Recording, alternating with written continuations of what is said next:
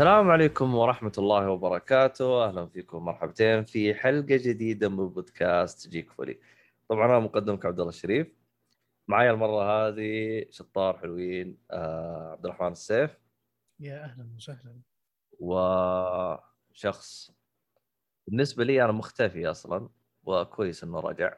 فرياض القادي أهلا وسهلا فيك. هلا والله. ف هذا إحنا بدينا طبعا بالنسبة للحلقة هذه حلقة آه، شو اسمه ناصر محمد آه، أفلام ومسلسلات. راح نتكلم اليوم عن أو بلا صح الحلقة هذه أعتقد بس فيها أفلام ما فيها مسلسلات. فحنتكلم عن الموجود إن شاء الله. ترى اللي بيتابعنا على البث موجودين حساباتنا كلها تلقى بوص وتقييمات وحركات ومتابعات كل هذه فخلينا نروح عند رياض. حبيبنا يا رياض. آه، كذا البداية على طول. لا بس يا أخي شو اسمه هذا وينك مختفي عن الساعة حقتنا؟ ما أنت زي أول.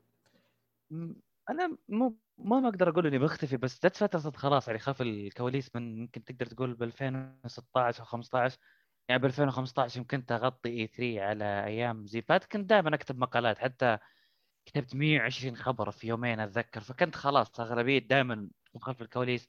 نفس الشيء مع 2016 ب 2017 بعدين خلاص يعني بديت رحلة جديدة كنت اشتغل في social media agencies أكتب محتوى أكتب محتوى فخلاص يعني أغلبية شغلي صار خلف الكواليس. لكن اللي متابعني مرة بيعرف إنه أحيانا أحط آراء بتويتر ملخصات أغلبية أشياء السناب الإنستغرام أقدر أتكلم على أمور مثلا إنه إذا شفت فيلم وخلصته وش رأيك بالفيلم إذا خلصت كتاب مو يعني عشان بس, بس مو زي أول بالساحة أكيد يعني طبعا.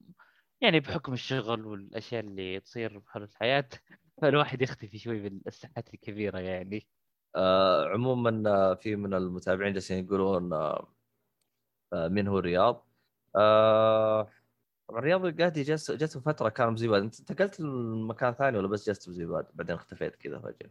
أنا لا يوم طلعت من زباد رحت يعني أشياء ال agencies البسيطة اللي يمسكون حسابات يعني حتى كنت ماسك فترة حساب ألعاب gaming حق أحمد راشد والشباب كنت أنا هناك مسكت سنة وشيء كمان ف كنت بس أكتب content أخبار التغطيه إذا في البوستات ال scheduling جدولة الأشياء يعني بشكل عام كانت سنة وشيء بس إنه بعد زباد أنا خلاص يعني صرت أركز على أشياء أكثر يعني حتى أنا عقب بالفترة دي يعني ب 2018 نوفمبر يعني آه، انضميت لفيصل السيف ككتابة نصوص للمنتجات والجوالات وزي كذا. أجرب الجوال أشوف وشو أقرأ عنه أراجعه أسوي عدة تجارب على الجوال. قعدت مع فيصل السيف يمكن سنة وثلاثة شهور. يعني فعليا تقريبا على آخر 2018 شهر وكل 2019 كاملة كنت معاه. وحتى احتفلت معاهم يوم فيصل كمل 10 سنوات في المحتوى تقديمه. فرجعت هناك مرت علي أجهزة كثيرة ال OnePlus الايفونات الاجهزه كثيرة كثيرة مرت علي. فكنت دائما هناك أكتب النص وأعطيه لفيصل وهو يراجع فحتى كنت هناك كمان خلف الكواليس. وبعدين ب 2020 يعني بديت أركز أكثر يوم خلصت الجامعة بديت أمشي في المسار الوظيفي والأمور الثانية. بس أغلبية فترة الناس كانوا يعرفون منها من زيبات اللي من 2012 إلى 2017 محرر فيديوهات أطلع قدام الفيديوهات الأخبار المقالات. والله تصدق إنك صدمتني يوم قلت لي إنك شغلت اشتغلت مع اللي هو اب تو ديت اسمه اب تو ديت ولا إيش؟ إيه، لا TechPills TechPills هو TechPills ال production بس القناة اسمها UpToDate KSA 2 فيصل السيف بشكل عام يعني وكنت أبد. أكثر شيء أحضر هناك ال...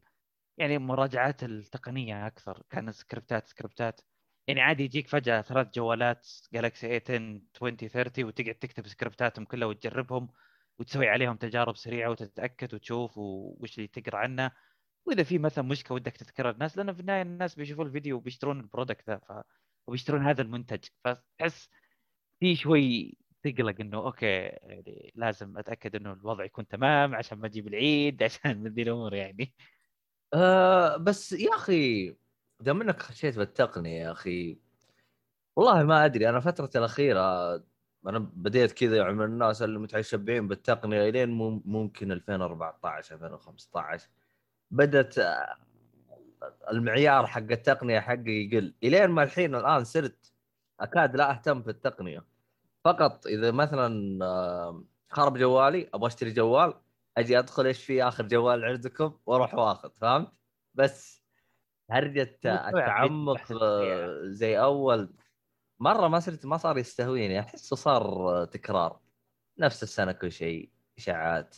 استهبال. ما أدري صار المود حق التقنيه بشكل عام ما صار يعجبني زي أول. هو اللي كسر ال mood التقني أكثر يوم نزل ال Galaxy Fold وما شاء الله سعره كان غالي وجربته بيدي. اتذكر يعني بس ما قدرت أراجع وقت لأنه واحد ثاني راجع بس يوم تشوف أشياء زي كذا تبدأ تتحمس تقول okay ودي أشوف إيش التقنيات ذي. بس أي مجال تفكر فيه ترى ممكن يصير فيه تكرار. يعني ال gaming مثلا لما تشوف إعلان الحين Battlefield تعرف إنه يمكن تصير حرب. إنه بين حقين COD وكذا بس خفت الحين. إذا شفت مثلا إعلان لعبة أي شيء زي كذا فتحس يبدأ يصير تكرار عرفت؟ فأنا أحس أغلبية المجالات عادي تتكرر وزي كذا ف ما أحسها طبيعي. بس ميزه التقنيه اللي يكسرها لما مثلا يجيك مؤتمر ويعطيك جلنط يعني زي مؤتمر أبل. في ناس كانوا متحمسين إنه يشوفون منهم منتجات جديدة يعني أشياء ملموسة خلينا نقول. سماعات أو مثلا زي عبد الرحمن كنا نسولف أنا وياه كان آه كان وده يشوف الماك بوك برو بالإم 1 المعالج. آه بس بعدين آخرتها طلع كنت أقول إنه في تسريب طلع إنه ترى بس كله بيكون software وآخر طلع software والناس جالهم إحباط عرفت؟ أصلا أصلا الماك بوك خساير. مو زين أصلا. آه، أصلا أصلا أصلا مؤامرة كل الموضوع كان. طيب إيش رأيك يا رياض بكلام مؤيد؟ يقول ان التقنيه بدات تتطور بشكل أبطأ. وفعلا صح بشكل أبطأ. يعني مثلا مثلا يعني أيام البلاي ستيشن 3 للفور حسيت بنقلة قوية صراحة. خليت كلامه بس كشيء gaming أكثر. أيام ذيك okay حسيت بالنقلة لكن في ناس ما حسوها بالفور وال five رغم اني أقول لا ترى يعني لما أشوف ألعاب قاعدة تتطور ولا أشوف شيء زي كذا أقول فعلا okay في أدق التفاصيل في أشياء قاعدة تشوفها أكثر. في ناس يقولون حتى الشاشات يعني بس إنه أقول الحين شاشات okay أنا الحين يعني توني داخل عالم الشاشات وجبت لي شاشة أخيرا كويسة ومحترمة تدعم التقنيات الاتموس والدولبي والطقة ذي و 4K HDR. الحين على خفيف بدا بدينا نشوف ال 8K بس لسه يعني ما يعني حبة حبة أحس على ذي الأمور. في ناس يقولون حتى ال VR وزي كذا بس فعلا التقنية احسها على حبة حبة بطيء أكبر دليل شوف الجوالات كيف مثلا أكبر دليل الآيفون الجديد. 12 ل 11 الفرق الوحيد أنا بالنسبة لي كان هو نوع الشاشة تغير. بعد ذلك ما في فرق. بس اللي مثلا معاه نفترض ال 11 برو وبيسوي upgrade لل 12 برو فعليا كان الفرق بس المعالج وأشياء بسيطة. اللي ياخذون يعني ال- اللي ياخذون كل سنة يطورون جوالاتهم. بس إذا على كذا تحس صعبة عرفت؟ ففعلا يعني حتى كل حقين الجوالات يقولون يعني اللي ياخذ ايفون كل سنة ما راح يحس بالفرق اللي ياخذ مثلا كل سنتين. يعني أنا مثلا الحين معي الآيفون 11 خلوا أسوي upgrade لل 13 برو بحس بفرق خرافي. واقول okay الحين حسيت بفرق خرافي وأحس فعلا القيمة اللي دفعتها كويس. لكن سنويا أحسها لا. وفعلا التقنيه صايرة بطيئة يعني حتى. والله شوف ترى ممكن تستغرب. ترى أنا من 2011 ترى نظامي كل ثلاث أربع سنوات أشتري جوال. هرجة كل سنتين أو كل سنة مرة ما تستهويني. من أنا زمان. يمكن كل سنتين لازم. أحس لأنه أستخدم الجوال كثير صراحة خصوصا بالفترة الأخيرة يعني مع سلاك صاير استخدم أكثر عشان يعني عملي وزي كذا.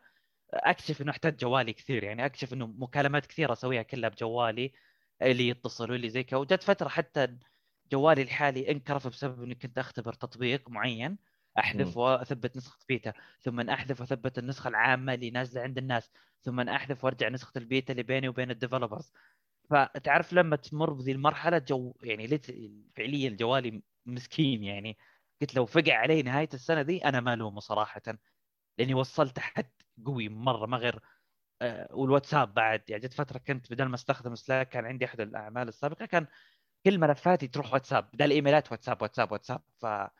ففعليا الواتساب عندي ما يسكت كان أبد ومكالمات كل شوي. ف فقلت أتوقع لازم قريب أسوي ابجريد للجوال اللي عندي لأنه خلاص الجوال اللي عندي بدأ يخبع أصلا بس قلت أبي يكمل سنتين وشيء وبعدين أغير لأن أنا أحس منطق السنتين وشيء أنا أشوف فتره فترة الجوال الفترة الاستهلاكيه لأي جهاز عموما خصوصا الجوالات يعني. يعني سنتين سنتين والى إلى ثلاث سنين يعني جوالك عطى ثلاث سنين ترى كويس مرة يعطيه العافية صراحة. أنت تشكر جوالك فهمت؟ انه شكرا جزيلا إنك عشت معي ثلاث سنين. after that أو بعد المرحلة هذه آه، هو على حسب ال- ال- ال brand اللي بتاخذه. يعني مثلا أشوف أبل الحين في حركة حلوة. ما أدري إذا هي عملية ولا لا ولا برضو الشركة still تنزل update تخرب كلش. ما أدري بس أنا هذا أشوفه آه، بشكل ظاهري. فكرة إن إذا والله ال life battery حقت الآيفون إذا وصلت 75% راح أقرب مكان وغير بطارية وترجع الدنيا سليمة. أنا ما أدري هل هذا الشيء أصلا نفع مع ناس كثير؟ هل في أحد شرى جوال لس- له ست سنين ويسوي هالحركة وأموره ماشية. أنا ما أدري. طيب أنا أعطيك تجربتي. أنا أنا أعطيك yes، تجربتي أنا أنا عندي يا حبيبي آه اللي هو الايفون آه 5 إس. حلو؟ ساتر آه بعد آه خمس سنوات آه البطارية خلاص ماتت. فغيرتها. اللي بالسوق كله للأسف إنه قطع الغيار للجوالات كلها بالسوق كله عبارة عن منتجات تجارية. فيوم غيرتها آه ما أدري هل الخلل من البطارية كانت مضروبة أو اللي ركب له بطارية كانت غلط. فانتفخت وكسرت الشاشة. حلو. فغيرت شاشة وبطارية والجوال مات. فحرفيا أنا عندي قاعدة في الجوال وأقولها لأي شخص إذا جوالك خربت بطاريته أو انكسرت شاشته طبعا أنا أنا أتكلم كجوال كرفته. جوال أعطيته سنتين ثلاث سنوات يعني جوال أعطاك عمره. يعني يعني اشتغل معاك يعني مو جوال توك مشتري لك أسبوعين وخرب. لا أنا أتكلم جوال أعطاك فترة. لا تغير شيء. روح اشتري لك جوال جديد. ما ما أدري إذا في أحد فيكم يتفقوا معي هذه لكن أنا هذا اللي لاحظته لأنه أغلب اللي أشوفهم خصوصا جوال 5 إس اللي غيروا بطارية أو غير أو انكسرت الشاشة وغيروها كلهم ندمانين إنهم سووا القرار هذا. رغم إنه ترى تكلفة تغيير البطارية والشاشة ترى جدا بسيطة ترى. ال- الشاشة ترى يمكن تغيرها 150 جودة الشاشة أعلى شيء موجود بالسوق. البطارية على 100 150 ريال كمان. يعني كلها كلها 300 ريال ترى تدفع كأقصى حاجة يعني. ومع ذلك ترى حتجد مشاكل يعني راح تقابل جوال. ف أنا جميع التجارب في تغيير البطارية ما عجبتني لدرجة إني وقفت اغير بطاريه ما أدري عنكم أنتم. أنا عشان كذا أنا ودي أعرف الناس اللي تستخدم أجهزة آبل سبيشلي الآيفون اللي جالسين يغيرون بطارية إذا وصلت 75% ال life battery هل فعلا قاعد يفيد الشيء هذا؟ لأن صراحة الغريب وأنا فيه. آه عشان ما نطول في النقاش هذا ونقلب بودكاست تقني. آه بس أنا فكرتي أبي أعرف هل الفكرة هذه ناجحة؟ هل في ناس قاعد تستفيد منها؟ لأن صراحة الفترة الحالية أنا ماني مقتنع إلى الآن إلى الآن قناعة شخصية. سالفة إن جوال أغلى من 3500 ريال أنا أشوفه too much يعني 3500 هذه هذا يعني هذا average consuming على قولتهم على الفترة الماضية. أنا زدته من عندي. كان المفروض 3000 ريال يكفي. يعني إلى الحين أنا ما شريت ما قد شريت جوال فوق 3500 يعني الحين أنا أمتلك الحين النوت 10 بلس اخذته ب 3100 ريال تقريبا. تقريبا شيء زي كذا. بس أنا ما ماني قاعد أشوف الجوالات أغلى من كذا. ترى جوال في النهاية. يعني سالفه اللي مثلا جوالات اللي بستة بسبعة اللي خير. وات ذا هيل هذا يجي في بالي. شوف أنا بالنسبة لي آه صح أشوفه مبلغ عالي. لكن أنا تدري كيف أقيسه؟ أنا أقيس المبلغ هذا على ثلاث سنوات. فعشان كذا أنا بالنسبة أنا دائما أوزع المبلغ بيني- هذا على ثلاث بيني سنوات. وبينك بيني وبينك. هي هي تجي سهلة للواحد وبسيطة عليك في حالة واحدة. وين في؟ آه، إحنا إحنا الحمد لله في السعودية الآن أنا أشوف انه ولو انه ما عندنا أصلا على قولتهم أحسن تجربة للحين في الموضوع هذا فكرة إنك تأخذ الجوال من ال provider حلو أو ال service provider اللي هم اس تي سي موبايل زين. برا طبعا أنت عارف كيف النظام. برا خلاص إذا أنت عندك جوال قديم خذ جوالك وروح عندهم وقول لهم هذا جوالي وبنفس العقد نفس كل شيء بس بيطلبون منك تدفع تقريبا زي 500 ريال 600 ريال وخذ جوال جديد. وخلاص وعلى نفس العقد حقك اللي هو نفس الفاتورة. ويعني وصار الله مبارك. هذا النظام. كل ما نزل جوال حتى تشوف في مؤتمرات أبل يجي يقول لك الناس اللي بيحدثون جوالاتهم لهم تسعيرة غير عن تسعيرة الجوال العاديه فهذه حركة حلوة. ودي إنها تصير في السعودية. عندنا في السعودية فكرة إنك تشتري جوال بالباقة. يعني إذا باقتك 400 مثلا ولا باقتك وات حسب الشركة يعني روح وخذ الجوال مباشرة أبدأ أستخدمه فهمت؟ يعني يا إنك تدفع ممكن مبلغ رمزي اللي هو مقدم حسب باقتك أو خذ الجوال بشكل مجاني ويلا جو هيد الفكرة هذه كويسة من عندنا في السعودية بس أحس يبغى لها شوية وقت لين ما تطلع الأسعار كويسة ال experience كلها كويسة بحيث إن الناس بكرة لما يبغون ياخذون جوالات تكون easy بالنسبة لهم. أصلا أنا already قاعد أدفع اشتراك شهري اللهم زايد عليه مبلغ بسيط للجوال. وخلاص. يعني ما راح يحس بقيمة ال... لما لما أقول لك قبل شوي الأربع الخمسة 6000 ريال هذه ما راح تحس فيها. لما تدخل تدخل وش included في الباقه اللي معك. اللي فيها انترنت مجاني وفيها مكالمات وفيها وفيها. أنا أشوف إحنا تونا يعني في البدايات يعني لما نتكلم عن بلد زي أستراليا زي بلد زي أمريكا الناس دي راحت مراحل ضوئية. ال ISPs عندهم أو اللي هم مقدمين خدمة اتصالات عندهم راحوا مراحل كويسة مرة. تقنع الشخص إنه يروح يبدل جواله أو يحدث جواله بشكل مرة سهل وما يعاني وهو يحدث. هذا رأيي في الموضوع. والله فعلا أتفق معك. عموما عشان الهرجه يعني ما ما تصير زيادة ولا أنا عندي بحر بالنقاش هذا وهذا. حلقه خاصة. إي يبغى لنا حلقة بعدين. نادي نادي رياض ونفضفض بالتقنية زيادة. عموما هذا كان نقاش ظريف يعني عن التقنية. فخلينا ندخل بال في الكلمة عشان عشان بس يرتاح مؤيد. الإيفون من خمس سنوات ما تطور ما ما ما في تطوير ملحوظ. أه والله أنا الجوالات كلها من خمس سنوات إني ما شفت فيها ولا تطوير. المهم أه طيب خلينا ندخل إحنا في موضوع الألعاب. أه وش دخل الألعاب يا عيال؟ الموضوع على موضوع على موضوع على أفلام. طيب آه خلينا نبت... نبتدي في أول فيلم اللي هو Army of the Dead Army of the Dead من أحد الأفلام اللي أنا كنت يمكن بكون صريح يعني كنت متحمس لها شوي لأنه شفت إنه كيف زاك سنايدر غير آه، وجهة نظر الناس اللي كانوا مو مؤمنين ب Justice League اللي نزل ب 2017 اللي من جاس ويدن. اللي ما يعرف جاس ويدن هو مخرج Avengers الفيلم الأول والفيلم الثاني اللي هو Avengers و Avengers Age of Ultron جاس ويدن يعني يعتبر مخرج كويس فيوم مسك Justice League غير البع... خلينا نقول بعثر بطاقات آه، زاك سنايدر وحطها بنفس الفكاهة ونفس أسلوب مارفل اللي هو بال Avengers طبعا ما ينفع ابدا إنك تسوي ذا الشيء لأنه تتكلم على نظرة مخرج وكتابة وموضوع كان طويل فلما يتحبرش زي كذا طبيعي إنه تكون نسخة Justice League 2017 بتكون نسخة سيئة ويمكن غير قابل للمشاهدة. حتى ما تشوف ذا الشيء تشوفه نسخه أربع ساعات. فعقب ما شفتها بأربع ساعات النسخة ذي أنا أنا أنا أحب زاك سنايدر شوي. يعني له محبة لي. انه أقول أقول ذا البني آدم مبدع يقدر يطلع شيء. بس دائما أنا ما زلت عند رأيي لا تدخله بموضوع إنه يمسك قلم ويكتب. لا تدخله إنه يمسك keyboard مجموعة حروف يجمع كلمات يكتب قصة. عطوا كاميرا وخله يخرج. سبب نجاح Man of Steel في 2014 إنه نولن كتب النص كامل حق الفيلم. وراح عند زاك سنايدر قال له مهتم تخرج ذا الشيء؟ قال له إيه. عشان كذا الكل يقول يعني Man of Steel كان حلو وغير إنه يعني Man of Steel مكتوبه بشكل كويس لأنه في النهاية كريستوفر نولان كتبه. المخرج اللي أخرج Memento Interstellar Inception ثلاثية باتمان اللي هي The Dark Knight Dark Knight Rises و Batman Begins فعنده خبرة كبيرة فيوم كتب Man of Steel وعطاه زاك سنايدر. زاك سنايدر يبدع في الأشياء البصرية خلينا نقول يبهرك بصريا. وبعدين نقل لك ذا الشيء Batman v Superman كمان إنه كيف إنه القتال كان مرة ناري ويحمس فيعرف يضبط ذا الشيء. بس نرجع نقول كنت كتابيا متى متى عرفنا ذا الشيء حقيقة يعني؟ عقب Justice League ما شفته زي قلت okay أنا we believe in زاك سنايدر فقلت خلاص يلا خله ينزل Army of the Dead وميزته إنه كان بينزل باليوم الأول على طول بينزل على أو شيء عذروه كم سنة بس بينزل على Netflix فعلى طول. أول ما نزل قلت يلا خلينا نشوف. والتقييمات كانت عليه أتوقع شوي إيجابية حتى لما تشوف Rotten Tomatoes وذولي. آه طبعا هو فيلم zombies. آه متوفر على Netflix في كل المناطق العالم ما خاب ظني.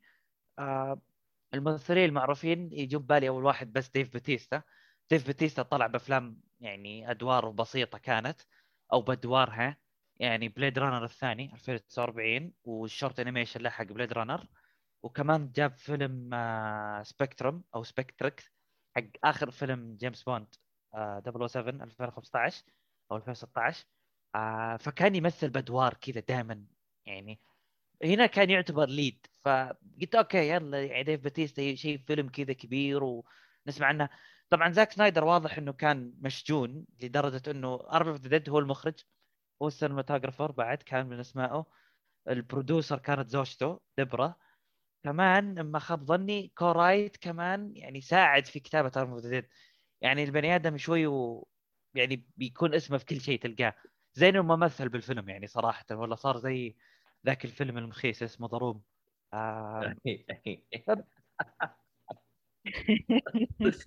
والله. والله والله معليش يعني أنا مرة غضبان كنت على الفيلم ف آه، لو بغينا ننقد الفيلم يعني كنقد شوي احترافي لأني حتى يوم خلصت أبي أعرف وش مشكلتي مع الفيلم. حاولت أكتب مشاعري حاولت أكتب. اكتشفت إني غضبان على الكتابة حقته. و... و... وأنا بنص الفيلم قاعد أقول إيش فيه قاعد يحط شخصيات كثير. شفت اللي أنت قاعد تكبر اللقمة يعني تخيل عندك ملعقة صغيرة تقول أبد بطب مفطح ويلا باكل. طب عادي طيب كبر الملعقة شوية يعني ما في مشكلة. لا أبيها بالملعقة الصغيرة. okay بالملعقة الصغيرة بس ترك. راح تاخذ وقت أطول إنك تشبع فكبر الملعقه وريح نفسك. نفس الشيء مع زاك سنايدر. زاك سنايدر في البداية أعطاك المقدمة الفلوية الفلسفية حقته اللي إنه أغاني زي إلفيس بريسلي الخط اللي يعطيك الجو الثمانينات السبعينات اللي زي جو Vice City أو ميامي. Vice City من ناحيه الألعاب ميامي في العالم الواقعي. آه ويوريك إنه أوه شوف كيف ال zombies قاعد يعضعضونهم ومدري وش هو قاعد يعطيك دافع. المشكلة بعدين يغير الطريق فجأة يلخمك بعدين بشيء ثاني. هذا اللي بيسمونه بالإنجليزي ال motivation حق الشيء للمشاهد. انه هو بيفهم شيء بس أنت قاعد تعطيه mislead شيء ثاني. المشكلة الكبرى حتى إنه الشيء اللي صار يعتبر شيء عشوائي. ما هو شيء مندفع ما هو شيء صار يعني. ما في شيء يخليك تتحمس. يعني ما هو مثلا شخصية شريرة نفترض تنمر عليه ناس وقرر إنه أنا بقلب على العالم نفترض يعني هذا مجرد شيء أساسي. هنا الدافع المعنوي في كتابة السيناريو دائما إنه أنت تعرف إنه okay ترى في دافع قاعد يصير ذا الشيء بس الشيء فيلم Army of the Dead اللي شافه بيعرف إنه اول scene إنه شيء عشوائي تماما لكن سلك قل okay فيلم اكشن بس في البداية بتحس إنه فيلم رعب. استغربت okay هذا فيلم رعب. okay يلا. بعدين راح تبدأ إنه يوروك لاس فيغاس وتعرف إنه آه هنا هنا نقطة انطلاقنا طريقة تقديمه للأبطال كانت جانب موسيقي وراه خلفية يمسك صورة ويذبح. فأنا قاعد طالع قلت okay هنا يبدأ هنا يبدأ الأشياء اللي ما يسميها بالسلك إنه نشوف ديف باتيستا بدأ بشيء إنه تقول okay إيش سالفة ديف باتيستا؟ بعدين يطلبون من ديف إنه طبعا هذا بأول شيء ما في أي حرق ولا شيء يعني يطلبون منه إنه كون لنا فريق عشان تقدرون تسوون ترجعون الخزانة اللي ما فيها. ما بتكلم أكثر من كذا. ف أو لا عادي هو معليش موجودة بالغلاف أصلا وموجودة ذكرت. قايلين إنه فيها مبلغ مالي. آه لو تقدر تسترجع فريقك يعني تجمع فريق وترجعون المبلغ تجيبونه يعني هنا. هذا واحد villain آسيوي مثل في Mortal Kombat معروف ما يحضرني اسمه صراحة. فبشكل سريع ديف باتيستا أنا توقعت إنه okay بيعاني شوي مشاكل يجمع فريق. تكتشف كل الفريق اللي جابه سبحان الله كل إجاباتهم yes yes yes yes yes yes. أه okay أنا هنا قلت خلينا أتعذر له هذا ما يسمى بالتقديم السريع زي فيلم Underground اللي نزل بالسينما إنه ما يحتاج يقدم لك الشخصيات على طول لازم تقديم سريع ويجيب لك المعضلة اللي بالفيلم اللي لازم أنت تعيشها بالفيلم. ف أنا توقعت زي كذا فقلت okay يلا yes yes. طبعا معلومة آه، سواقة الطيارة هم قال يحتاج سواقة الطيارة. سواقة الطيارة كان المفروض يمثلها كريس ديليا كريس ديليا أحد ال stand-up comedians اللي معروفين وله عدة stand-up في نتفليكس لكنه انحرم من ذا الفيلم أو مثل بس شالوه لأنه صار له cancel بسبب عدة آه، قضايا وأمور ثانية ودراما صارت عليه. فشالوه من الفيلم وجابوا بداله ممثلة شعرها قصير آه حتى الناس يقولوا له دقق ترى حاطينها green screen في بعض اللقطات اللي معهم فعلا في لقطة أول ما كانوا يمشون مع بعض لو تدقق بتلاقيها هي مركبة بال VFX هذا بالعكس أنا أهنيهم على الإنجاز التقني. فهنا نبدأ هنا نبدأ هنا نبدأ اللخبطة يوم عقب ما كون الفريق ويبدأ يقسم ال budget. أنا ما صرت أركز مع الفيلم صرت محاسب شوي. أفتح على حاسب أقول okay هذا كم بياخذ؟ طب هذا كم بياخذ؟ كل شوي قاعد يقلل ال budget. okay. أول شخصية راح لها شخصية بنت أعطاني أجواء Man of Steel يوم الحوارات okay قلت okay إحنا يمكن مقبل على شيء زين. بس سبب البنت ليش إنها جت إحنا ما نعرف إلا بعدين. طبعا للأسف إنه سبب عبارة عن أعتذر على الكلمة ذي أبي أحاول أكون احترافي معكم بس عبارة عن سبب زبالة. حرام حتى الاحترافية نقدر نوصف ذا الشيء. بعدين تبدأ تكتشف أشياء أكثر وأكثر تبدأ تشوف أشياء اسوء تبدأ تشوف أشياء لخبطة. لقطات واحد قاعد شوي وتحس إنه خلاص بيموت بس ينجو بس لقطة ما فيها أي شيء فجاي يموت. طب هذاك قدر ينجو هنا؟ إيش معنى ما قدر ينجي هنا؟ ليش ما قدروا يساعدون هنا؟ أنت قاعد تبدأ تساؤلات تساؤلات إنه ما هي الاستقعاد؟ يعني ما هو الاستقعاد اللي تقول أوه ليش هذا الفريم ما عطى الإطار الفلسفي اللي يوحي للمشاهد إنه بيطير في السماء؟ ما أنا ما ما قاعد أدقق زي كذا. بس اللي شافوا الفيلم بيعرفون في لقطات إنه كان المفروض هذا خلاص. في لقطات شخصية وصل لمرحلة كان يمديه خلاص يروح يقول أوكي أنا خلاص خلص بس لا لازم يخلوه يعيش ويرقى فوق ويوصل. طب ليش هذا المشوار؟ أنت ما قاعد تعطيني دافع له أنت ما قاعد تعطيني دوافع الشخصية. أو مرات يكون في بعض الشخصيات أنت ما تعطيه تخليه يغير قراراته بس يغير قراراته بناء على شخصيته. يعني على سبيل المثال تخيل واحد جوعان في الصحراء آه يوصل للمدينة أو يشوف مطعم قدامه يقول أنا جوعان لي يومين وعطشان فجأة. لا والله أنا بروح أجيب لي سجاير وأدخن. إيه أنت ما كنت جوعان لك يومين ثلاث أيام؟ جوعان صايم فجأة تروح سجاير. okay غير إنه كان فيلم كوميدي وشاطر غير منطقي بس ما هو منطق. فنفس الشيء كان ديف شخصية ديف باتيستا هي اللي كانت المشكلة الأساسية بالنسبة لي إنه دوافع مو بواضحة. فجأة يغير فجأة آه إنه له علاقة معينة مو بواضحة وعلاقة ثانية مو بواضحة عشان ما أحرق. كلها كانت أنا قاعد أضحك طول الفيلم. فللأسف فأنا أشوف بالنسبة لي زاك سنايدر فشل فشل ذريع. وحتى الأكشن أشوفه أكشن كان عادي أو حتى يمكن أقل من عادي. إنه قاعد أشوف المشكلة إذا القصة ما كانت تحمس إيه ليش أنا بحب الأكشن حقك؟ فأنا أشوف أصلا كل الفيلم عبارة عن خنبقة والناس بدا يتحمسون للجزء اللي اللي قبله بيجي اللي بيكون animation أنا بالنسبة لي أقول ممكن أعطيه فرصة لكن ما أشوف إنه الفيلم أصلا يحمس. وعلى تقييمكم أتذكر أنتم كاتبين مقبرة التاريخ. أنا والله أقول حرام مقبرة التاريخ. مقبرة التاريخ لو شيء مات يمكن مات وهو أسطورة. أنا أقول هذا لمزبلة التاريخ أنا أسميه المفترض الفيلم. أتوقع كذا يعني أقدر أختم كلامي وأقول إلى مزبلة التاريخ. أنا عندي سؤال. لاحظت في كلامك شغلة. الظاهر الفيلم هذا من الأفلام اللي بديت أشوفها مؤخرا فيها عنصر الفجأة. اللي كل شيء فجأة يصير فهمت؟ اللي أنا أنا الأفلام هذه صرت أسميها الاكثر من التسبيح المفروض يحطون مع الملاحظة فهمت؟ بتقول بتقول سبحان الله كثير فهمت؟ والله جد يا أخي أفلام مؤخرا وأنت على كلامك الان يعني واضح إن الفيلم كل سبحان الله فجأة صار الشيء ذا فهمت؟ ما تدري شلون بس فجأة صار شغلة ثانية كانت غريبة يعني عرفت okay شوف حلو إنك تفاجئني بشيء شخصية إيه. كان ماشي على ذا النهج ويتغير. okay لها كتابة تكون طريقة كتابة.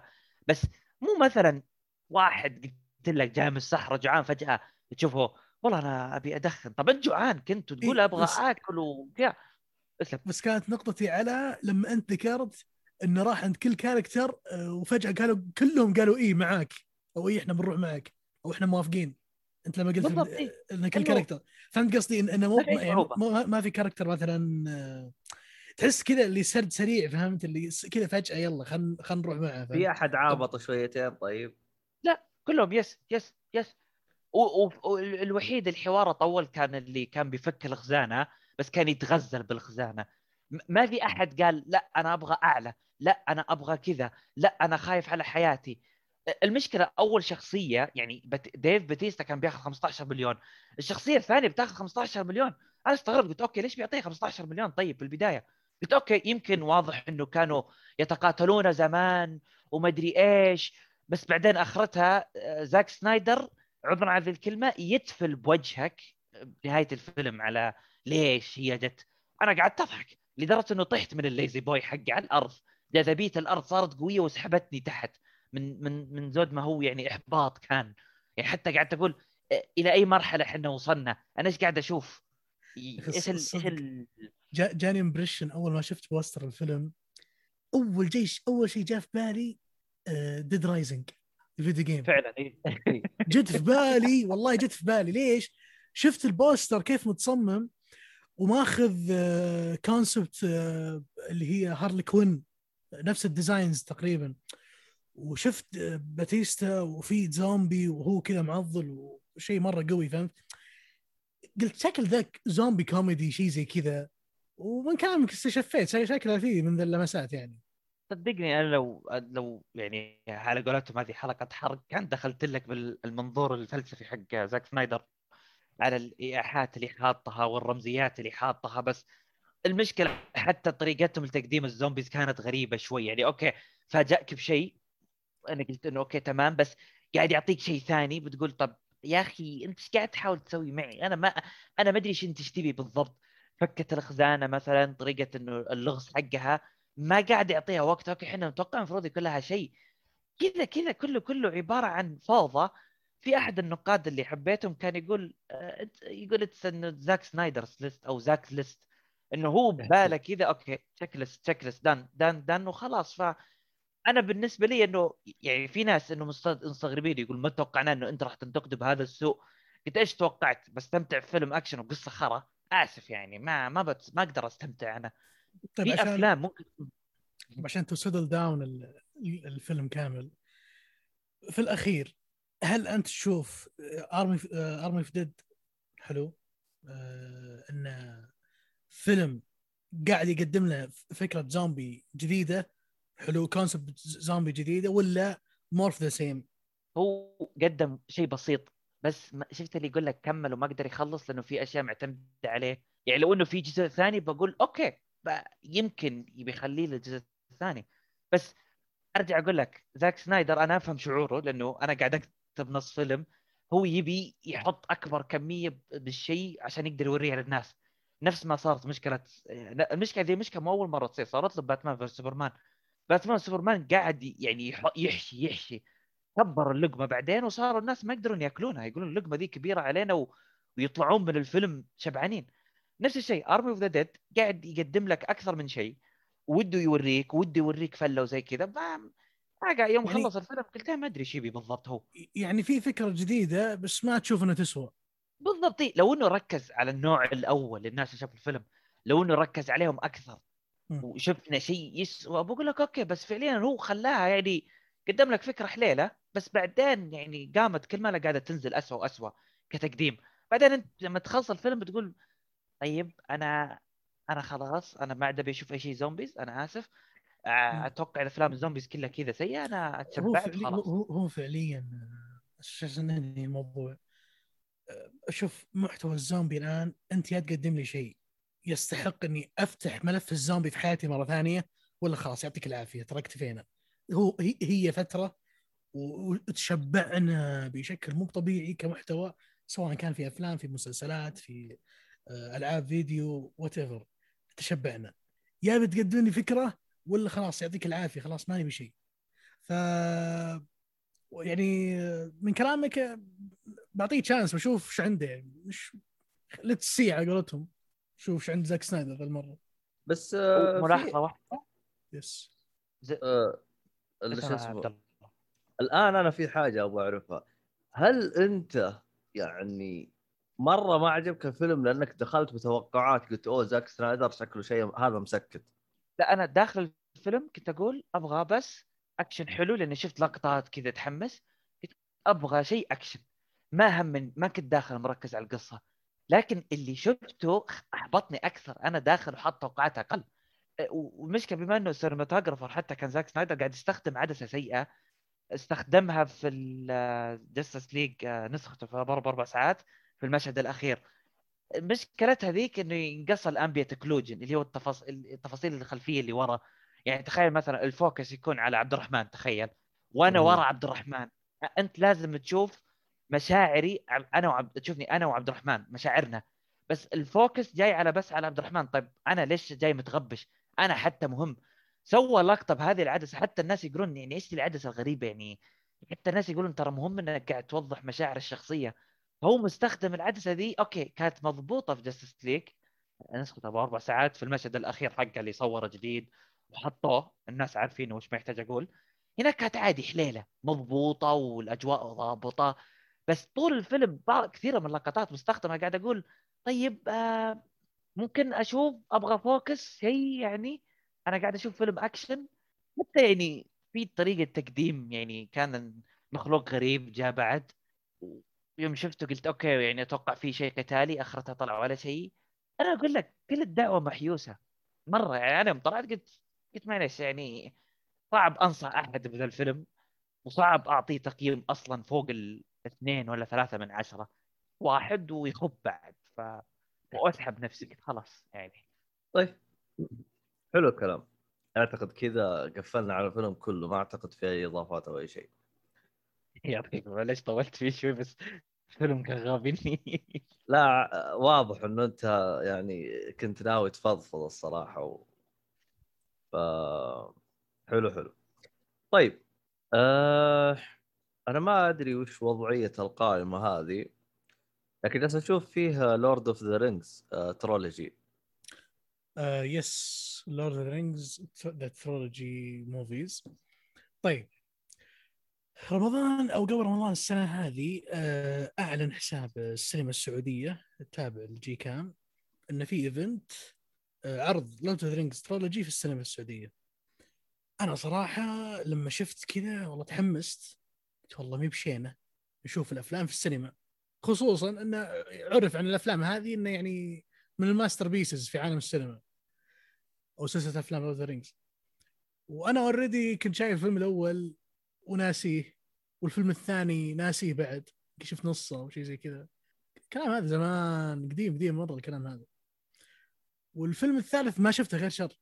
فتعرف اللي أصلا أنا محظوظ مرة إني رحت شفته سينما أحس إني كأني أنا رجعت 2001 قاعد أشوف أفلام وهي توها نازل السينما. هذا الشعور اللي حرفيا أنا حسيت لما رحت. وصراحة يعطيهم العافية ال providers أو مقدمين السينما في السعودية إنهم يعني أعطونا تجارب سينما وشاشات تخلي الواحد يستمتع فعلا وهو يشوف الفيلم أو يشوف سلسلة أفلام. طبعا آه، أفلام Lord Rings على قولتهم المعروف لا يعرف من أشهر السلاسل في بداية الألفية اللي آه، على قولتهم خلينا خلينا نقول يعني قادت صناعة السينما لمستوى آخر من آه، الإنتاج والإخراج والتقنيات التصويرية وغيره من الإبداع اللي طلعوه في السلسلة. آه، طبعا السلسلة بدأت في بداية الألفية 2001 2002 2003 بقصة Lord the Rings وسالفة ال Hobbits وليش وش سالفة ال ring اللي صار معاهم what's the reason أو ما هو السبب إن ال ring الحين هذا مهم وأساس إيش وش مهمة بطلنا اللي هو ال young Hobbit اللي اسمه فرودو باجنز ومين غاندالف الساحر آه خلينا نسميه هم له صراحة له اسم في في ال lore بس أنا ناسي صراحة. بس خلينا نسميه الساحر مبدئيا آه ليش هو يحب ال Hobbits وليش يحب يساعد ال character هذا وإيش سالفة هذا ال ring أو الخاتم. كل هاي طبعا راح تبان لكم في ال trilogy وما ودي أتعمق لأن أحس حالاتها استكشاف القصة بنفسك في الأفلام. آه طبعا آه في cast جميل لطيف مسك هالسلسلة أو هالثلاثيه أه بحاول أجيب اسمائهم زين لأن صراحة اسمائهم صعبة كلهم. بس أنت قبل لا تدخل بالأسماء. إيه. أنت الحين فرضت 12 ساعة كذا جالس على الكرسي. إي sorry sorry. برجع لك على sorry الحين برجع لك على موضوع ال event أه لا حشا. اي أنا أبغى أعرف أنا كيف شفته هذا. بقول لك بقول لك لما نزل لما السينما السعودية حساب السينما السعودية نزل ال event أعلنه في رمضان. وكان تقسيمة ال event إن كل weekend بينزل فيلم في السينما. فال weekend الأول في رمضان نزل الفيلم في ال weekend الثاني فيلم وفي ال weekend الثالث فيلم. طبعا آه weekend ويستمر إلى ال weekend اللي بعد الفيلم فيكون موجود في العرض. طبعا أنا حجزت في كل weekend فعلا أخذت ال ticket وحضرت كل فيلم في كل weekend لمدة ثلاث ساعات. زحمة. أه والله زحمة والعرض كان في سينمات معينة و... ومحدد لأن في رمضان أنت عارف ما في الوقت بعد الفطور فما في وقت أصلا إنك تعرض كثير. وكان زحمة والله والناس جاية ومبسوطة إنها تشوف الأفلام مرة ثانية. هل آه فيها فئة اللي جاي كذا داخل مدارس الهرجه؟ آه ما أتوقع خصوصا الأفلام يعني أحس أنا استشفيت من اللي حاضرين إنهم كلهم nerd زي قاعدين يدورون أفلام زي كذا. okay يعني حلو. اي مو إنه داخل على الدرعمة. أو صراحة أنا داخل على experience غالية شوي فواضح ان داخلين معي داخلين بقوة يعني. ف الأفلام آه، عرضت ما هي بال extended cut ولا هي اللي هي ال cut الأخير. لا طبعا هي ال cut العادي ال cut ال release اللي طلعوا فيه في السينما. ف لكن عموما هي أصلا سواء ال cut الكذا ولا ال cut العادي الأفلام طويلة كانت ثلاث ساعات فعلا اللي قالوا يعني شو اسمه رقدت في السينما من طولها يعني. الأفلام طويلة طويلة ثلاث ساعات ونص تشوف فيلم. لدرجة إنه كان ودي يسوون breaks في نص الفيلم. خلينا نطلع نحرك رجولنا شوي نرجع. ال storytelling والأحداث مو طبيعية ولازم تكون مركز. آه طبعا آه الأفلام أبطالها ممثلين معروفين زي اليجا وود وإيان ميكلن أو أتوقع شيء أتوقع اسمه كذا. وفيجو مورتنسن هذول كلهم بريطانيين فجأة. قلت اساميهم شون آستن وبدور سام وعندك شون بين بدور آه، بورومير وبيلي بويد بدور بيبن. وهلما جرى من الكاست العظيم اللي فعلا كانوا وقتها صغار وفعلا يعني وصلونا الشخصيات بشكل جدا جميل وتعلقنا فيهم كثير في الثلاثية. وطبعا ما يحتاج نتكلم عن المخرج اللي هو بيتر جاكسون اللي أتوقع أتوقع بالأفلام هذه طلع بجوائز وبسيرة ذاتية تكفيه 15 سنة قدام وأكثر حتى. آه، لأنه فعلا المخرج آه، تعب تعب مو طبيعي عشان يطلع هالأفلام. يمكن الفيلم الأول آه، أنا still أسميه pilot movie الفيلم الأول كان بداية استعراض يعني يحاول إنه يثبت نفسه في ال market أو في, في ال industry الفيلم الثاني زاد ال budget زاد التقنيات بدأ بدأ يتطور وبدأ يعني يعني يطرح الفيلم بطريقة إنتاج جميلة. وفي الثالث طبعا أبهرنا جميعا ووصل لمراحل إنتاج جدا جدا مرتفعة. الأفلام تصورت كلها في نيوزيلندا وأيضا حتى مسلسلهم القادم اللي راح يجي على أمازون برايم. قاعد يتصور الآن في في نيوزيلندا. فما شاء الله نيوزيلندا أصلا كمناطق كمناظر ومنطقه اللي شفناها في الأفلام كانت جدا جميلة. وخلق أصلا البلد يعني البلد يعني الفيلم جزء من البلد صار. يعني لما تروح نيوزيلندا وتسولف مع الناس اللي هناك تلقى يقول لك من معلومة هذه انقالت في أحد التصريحات. قالوا انه من كل عشرة نيوزيلنديين في واحد اشتغل في الفيلم أو كان له علاقة في الفيلم. طبعا العلاقه مباشرة وغير مباشرة. خلينا نقول علاقة في في البرودكشن أو علاقة مثلا خلينا نقول آه، عندك مطعم وعزمتهم عندك فهمت؟ شيء زي كذا. أو خدمتهم. فهمت علي؟ في في الافلام يعني أنا ما حسيت بقيمتها إلا لما يعني شفت شفتها وقرأت عنها الحين بعد ما بعد فترة. فعلا صدق عرفت ليش هالأفلام قادت قادت بداية الألفية بداية قوية صراحة. واللي أتمنى أنا أتمنى ال show حقهم على أمازون برايم هذا يروح فوق لأن ميزة العمل هو طبعا تصنيف آه، مغامرات وخيال وأكشن. فعندهم بوتنشل يطلعون بأعمال مستقبلية بهالعنوان أتوقع في زي زي سلسلة أفلام ذا هوبت اللي الحين صراحة ما شفتها ومتحمس إني أبدأ فيها بعد الأفلام هذه بس على قولتهم الجرعة إن شاء الله ما يحتاج يعني على قولتك عبد الله 12 ساعة فيبغى له هذه صبر شوي واحد يتنفس يستعد نفسيا بعدين يدخل بقية العناوين. آه مين أنصح الفيلم؟ أنصح لأي واحد يدور أي شغلة فانتسي lead industry movie أتوقع هذه الأفلام لازم تنشاف إذا أنت تبحث عن شيء fantasy خيالي جميل لازم تشوف سلسلة أفلام Lord of Rings وتتبعها ب The Hobbit طبعا. The Hobbit تعتبر prequel لأفلام Lord of the Rings ما أذكر في مشاكل في العمل مرت علي. يمكن ال blue screens على وقتهم ما عندهم تقنيات قوية فما راح أعيبهم عليها. بس ممكن يعني هذا اللي حسيته. بس برضو طلعوا طلعوا باللي يقدرون عليه. تعرف اللي عقدتهم أي شيء حولك بس طلع فيلم زين؟ هذا اللي صار في Lord Rings أحس إني شوي غير منصف لما أتكلم عن الثلاثية بشكل سريع جدا ودي أتفصل فيها وأتعمق.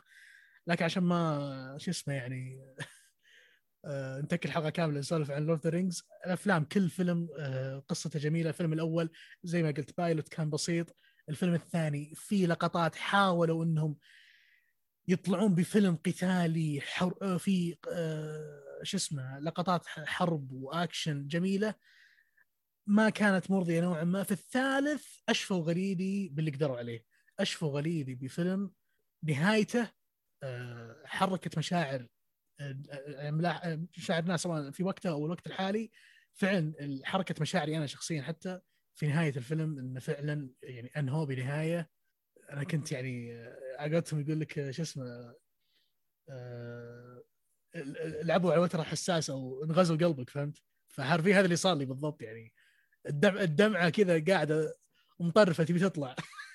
يعني مو طبيعي صراحة المشاعر على نهايه الثالث كانت جياشة على آه، تقريبا آه، هذا كل شيء عن تجربتي مع أفلام Lord Rings في السينما في السعودية. أتوقع كان قرار جيد من جي كام يرجعون الأفلام. أتمنى من هذا المنبر أن جي كام يطلعون لنا فعاليات زيادة بعدين ونشوف أشياء زي كذا. أنا أتمنى والله يجي يجي يوم آه، يمسكون خط مع المخرجين آه، خط مع الممثلين بتكون صعبة شوي بس أشوف مع المخرجين مع سلاسل الأفلام الممتازة أتمنى نشوف فعاليات زي كذا. أنا صراحة صراحة آه، في ناس تحضر والناس حابة الشيء هذا. أنا ودي أتمنى يجي يوم نشوف أفلام نولن أفلام ترنتينو في السينما ونحضرها ك ك event كاحتفال ك... كفعالية. آه عموما شو اسمه هذا يعني بخصوص الأفلام والأشياء هذه ترى من بين فترة فتره هم ينزلون يقولون لهم يذكرون يعني إيش الأفلام اللي حابين تشوفونها بالسينما يعني أفلام قوية. فترى Lord of the Rings ترى كان من ضمن الاقتراحات يعني بس يعني أقول. صراحة كان كان يعني شيء إيه. موفق مرة. آه نقطة ثانية Lord of the Rings المو... الجزء الثاني آه يعني يعتبر دخل موسوعة جنس لأنه سوى حاجة إلى الآن ما في فيلم سواها ولا أعتقد إنه راح يسويها. آه ترشح إلى 12 جائزة أوسكار وكلها فاز فيها. صحيح. أنا ف... على قولتهم يقول لك المخرج شايل معاه كيسة الأوسكارز وطالع إيه. من من إيه. الحفل. طبعا هذه لما كانت كان مكانه الأوسكار فيها 30 جائزه مدري كم جائزه زمان. الحين عاد الله يخلف عليهم. آه عموما أنا قطعتك يا رياض أيوه. لا عادي. آه, آه، ترى حتى جابوا Inception عندنا كمان أتذكر. آه باحتفالية العشر سنوات. عرضوا فيلم آه Inception عندنا. كان ودي صراحة أروح أشوفه بالسينما بس لو إنه كان يمكن Interstellar كان أتوقع تحمست وحرصت جدا إني أروح أشوفه بالسينما. والله أذكر حتى الصالحي محمد الصالحي كلمني قال لي عبد الرحمن شوف Inception قبل لا تروح تشوف Tenet قال لي يا كذا. بس قلت والله ما أدري صراحة أسويها ولا ما أسويها؟ لسه ما شفت Inception عبد الرحمن؟ إلى الآن لا. مسكين. هلا؟ مسكين. مسكين. لا Interstellar أعتقد شافه. لا Interstellar شفته. Interstellar one of the best صراحة. بس Inception يبيله والله. بس أنا عقلتهم يعني وقتها ليتني سامع كلام الصالحي وطالع من قاعة Inception وداخل على قاعة Tenet هذا المفروض مسويه أنا بس صراحة علي يعني يمديك قلبت blue و red theme المهم. إيه. طيب. آه آه في حاجة غريبة بالقائمه أنا شايفك شايف أشياء كويسة بعدين فجأة داخل لي على Fast and Furious وش وضعك؟ أوه. طيب. آه شوف دائما الواحد في حياته يعني ينوع ما بين الزين والشين. حلو. فمحدثك والله يعني في شوف في أفلام تعرف آه، نوعية أفلام الناس اللي زي ما قلت فئة فئة الناس اللي تدخل السينما ما يدري إيش السالفة. في أفلام دائما موجهة لهم لي أفلام مسدسات يلد تفجير تفحيط وهكذا. ف Fast Furious من الأفلام هذه اللي basic action movie فإن تروح س... هذا الفيلم روح السينما شوفه. يعني في بيتك يمكن ما أدري ما تحس بطعم لأنه هو تحس إن الفيلم مصنوع للسينما مصنوع ال ticket رخيص تروح له لا هو شوف شوف هو ترى مصنوع لشيء ثاني. آه تلفزيون الصراحة والناس يلعبون بلوت كذا يعني يكون بخفيه فهمت؟ وبرضه this is an option يعني. yeah. فاللي صار لي أنا حرفيا قلت التاسع نازل قاعد أشوف trailers حقته في السينما.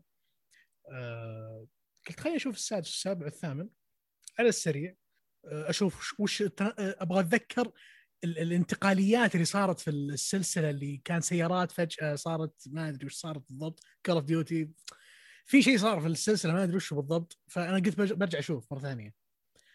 فلما رجعت أشوف السادس بدت هنا الاحتفالات تصير. في السادس دخلوا في ال cast آه، شو اسمه ذاك؟ ذا روك ذا روك ذا روك جاء من السادس ولا من السابع؟ الخامس. أحس لا لا خامس لا. إلا Fast Five اتذكر The Rock دخل فيه. لا Fast Five مو يوم السياسة توقف على كذا وهذاك الرابع. المهم. حسب حسب علمي إنه من السادس. لا Fast Five آه. موجود صورته عليه شو اسمه عليه The Rock. أجل أجل علي مضيع. بس, بس عموما. آه رجعت ورا أنا قلت بتأكد وأشوف الأفلام ذي إيش صار فيها وراها فجأة قلبت كذا. شفت السادس. أوكي عرفت ليش. شفت السابع يا جماعة وراكم تحمستوا مرة. شفت الثامن لا يا حبيبي كذا فليتوها. المهم بديت أستوعب ليش فجأة شطحت السلسلة. شطحت شطحة غريبة غريبة مرة مرة غريبة. وندخل على التاسع. ما يحتاج تتكلم عن ثلاث أفلام اللي بيروح يشوف يشوف. فصراحة لو بقعد أشرح يعني it's waste of time حرفيا. لأن القصة ما هي ما هي منطقية ابدا في كل الثلاث أفلام اللي قبل الأخير هذا.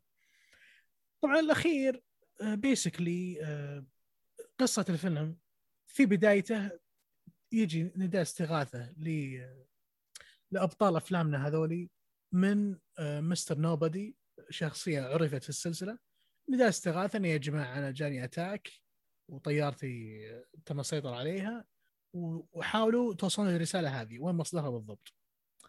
فما شاء الله ابطال ما يحتاج مواترهم جاهزة ومو مرادهم ولا يدورون ال- الرسالة حق الرجال. ركبوا شو اسمه أقرب طيارة وراحوا على طول. يعني أنا يعجبني فيهم ال- الفري بادجت فهمت؟ على طول كل شيء مفتوح لهم. يعني سبحان الله يرزقنا بس المهم. فراحوا ولقوا الرسالة. Somehow لقوها في مكان غريب في جنوب أمريكا منطقة كذا لاتينية.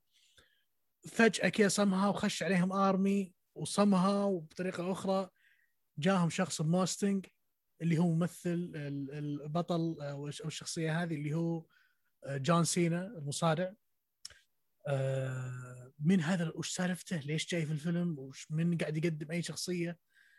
جون سينا basically هو يمثل دور أخو آه، دومينيك آه، توريتو اللي هو يمثل ممثلنا أو ممثل آه، فين ديزل هذا أخوه شو اسمه جيكوب واللي يمثله جون سينا.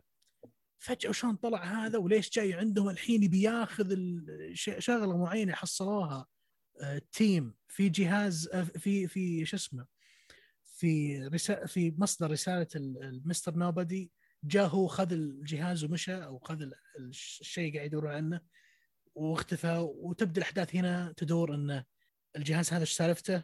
وليش هذا يبيه؟ وليش أخوه فجأة رجع الحين؟ وش سالفة أخوه وراه فجأة يعني كذا معضل وش سالفة؟ وش وش ليش في فجأة شيء صار؟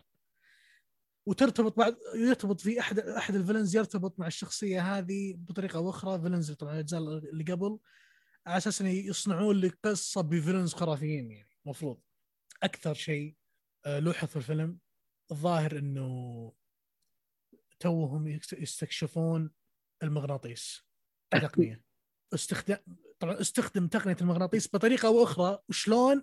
لازم تشوفون فيلم عشان تعرفون إيش أقصد. الجماعة مغناطيس ترددات مغناطيسية بشكل غريب جدا استخدمت ك element. element طبعا اللي هو زي سلاح خلينا نقول أو خلينا نقول item عشان نهزم الأخ... نهزم اهزم الطرف الآخر بالمغناطيس. وشلون؟ ما أدري. انطرحت في الفيلم بطريقة غريبة. واستخدمت وحللوها تحليل. واضح إنها كانت فكرة واحد كذا يعني ماشي وشاكر حط مغناطيس قدام يعني حط مغناطيس قدام ما عندك مشكلة. حط مغناطيس. وشلون تربط معها ما تدري. آه طب يمكن هذا إعلان لشركة مغناطيس. والله ممكن why not ما أدري والله بس إنه استخدم طريقة غبية مرة. آه أو خلينا خلينا نقول ذكية. آه عشان نسلك لهم يعني. طبعا آه وش اسمه؟ ال- الافلام ال- الفيلم آه في أشياء مو منطقية. رجعوا شخصيات ما أدري ليش رجعت صراحة وما يعني حرفيا أصلا ما قد تعلقت فيها عشان ترجع لي الشخصية ذي. حرفيا هذا اللي صار في الفيلم. في أحد الشخصيات رجعت أنا علاقتي معها صفر. ما كان بيني علاقة معها خرافية مرة يعني. رجعوه على أساس إنه emotional moment ويلا أوه ترى فلان رجع. طيب ورجع طيب وبعدين ما ما أثر فيني ولا ولا حسيت بقيمة رجعته حرفيا. آه طبعا ما يحتاج. أفلام Fast and الآن تتجه إلى مستوى الفضاء. وأنا زي ما قلت قبل للشباب والله العالم الفيلم الجاي راح يكون من إنتاج Lucasfilm وراح يكون في ال Star Wars universe وراح يكون crossover مع بعض ما أحس شيء بيصير شيء- شيء زي كذا صار في الفيلم صار شيء اللي وين رايحين يا جماعة أنتم؟ يا حبيبي أنتم في الأرض ترى قبل كم قبل كم سنة كنتوا تصورون أفلام في اليابان تفحطون drifting وين وراكم رحتوا ال space. ويش السالفة؟ يهو عشان تكثر من الاستغفار تسبيح قصدك التسبيح. والله العظيم مو بطبيعي just اناظر يقول لي وين رايحين يا جماعة؟ إذا الحين الفضاء what's the next يعني والله أنا أنا ما ما راح أستغرب إذا بكرة جو ال production team حقين الفيلم هذا أو سلسله افلام Fast Furious وكلموا Lucasfilm وسووا crossover مع Star Wars ما أدري شلون فهمت؟ فجأة فان ديزل يطلع مع يطلع Jedi فهمت؟ ما أدري بس والله العظيم والله العظيم يد... عشان عشان بعد يعني اكون معكم جدا صادق يعني تراني أنا الوحيد اللي في القاعة اللي جالس يضحك على كل شيء. يعني العالم متحمسين yes مثلا طلق عليه ولا أصدمه ولا what أنا قاعد أضحك. أنا طول الفيلم قاعد أضحك. يعني من كثر الضحك نص الأشياء اللي نص الأشياء اللي كانت معي انكبت علي فهمت؟ حرفيا حرفيا قاعد أضحك. قاعد أضحك على الاستهبال قاعد يصير في الأفلام هذه. honest thought أو تصريح صادق. أنا زعلان مرة اللي صار بالسلسلة. لاني شفت الأفلام ثلاثة في يومين تقريبا ورحت هذا في السينما الأخير شفته زعلان على اللي صار في السلسلة. أتفهم شطحتهم نوعا ما بس ما أتفهمها في كم نقطة. أتوقع سلسلة أفلام Fast أنا زي ما قلت بصنفها ب... هي الأفلام التي بتروح اللي بتروح للسينما عشان تدفع لها ticket رخيص وتقضي وقت. that's it هذا مستقبل افلام Fast بس معليش. في قلت قلت بيروحوا الفضاء. أتذكر قبل ما ينزل Fast Nine وذي الأشياء يقول كيف Fast Nine بيكون؟ أتذكر.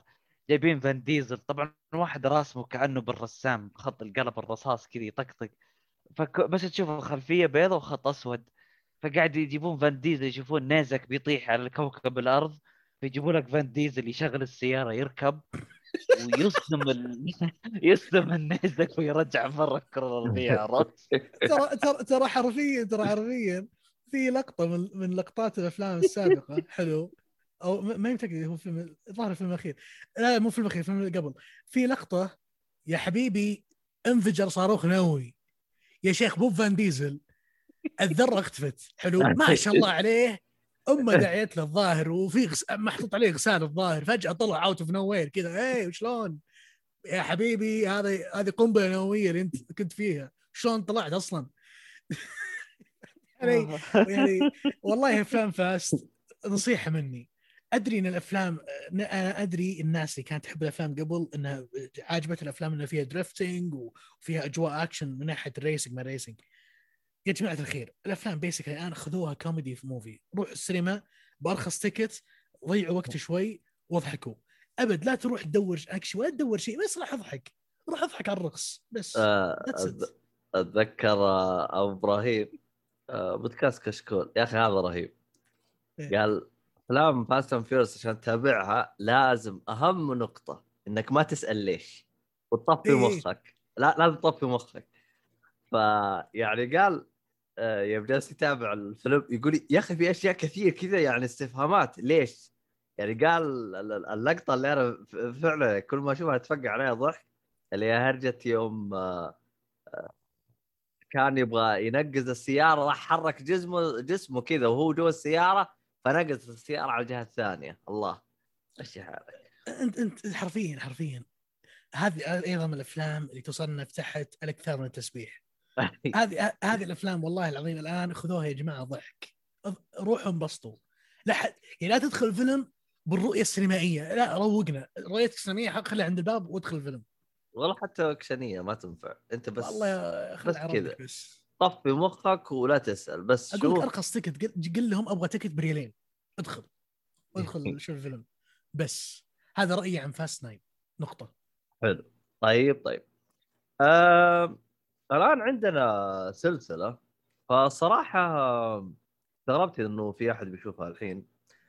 ف عندنا آه، آخر أربع أفلام من آه، سلسلة آه، جيمس بوند اللي هي Casino Royale و Quantum of إيش؟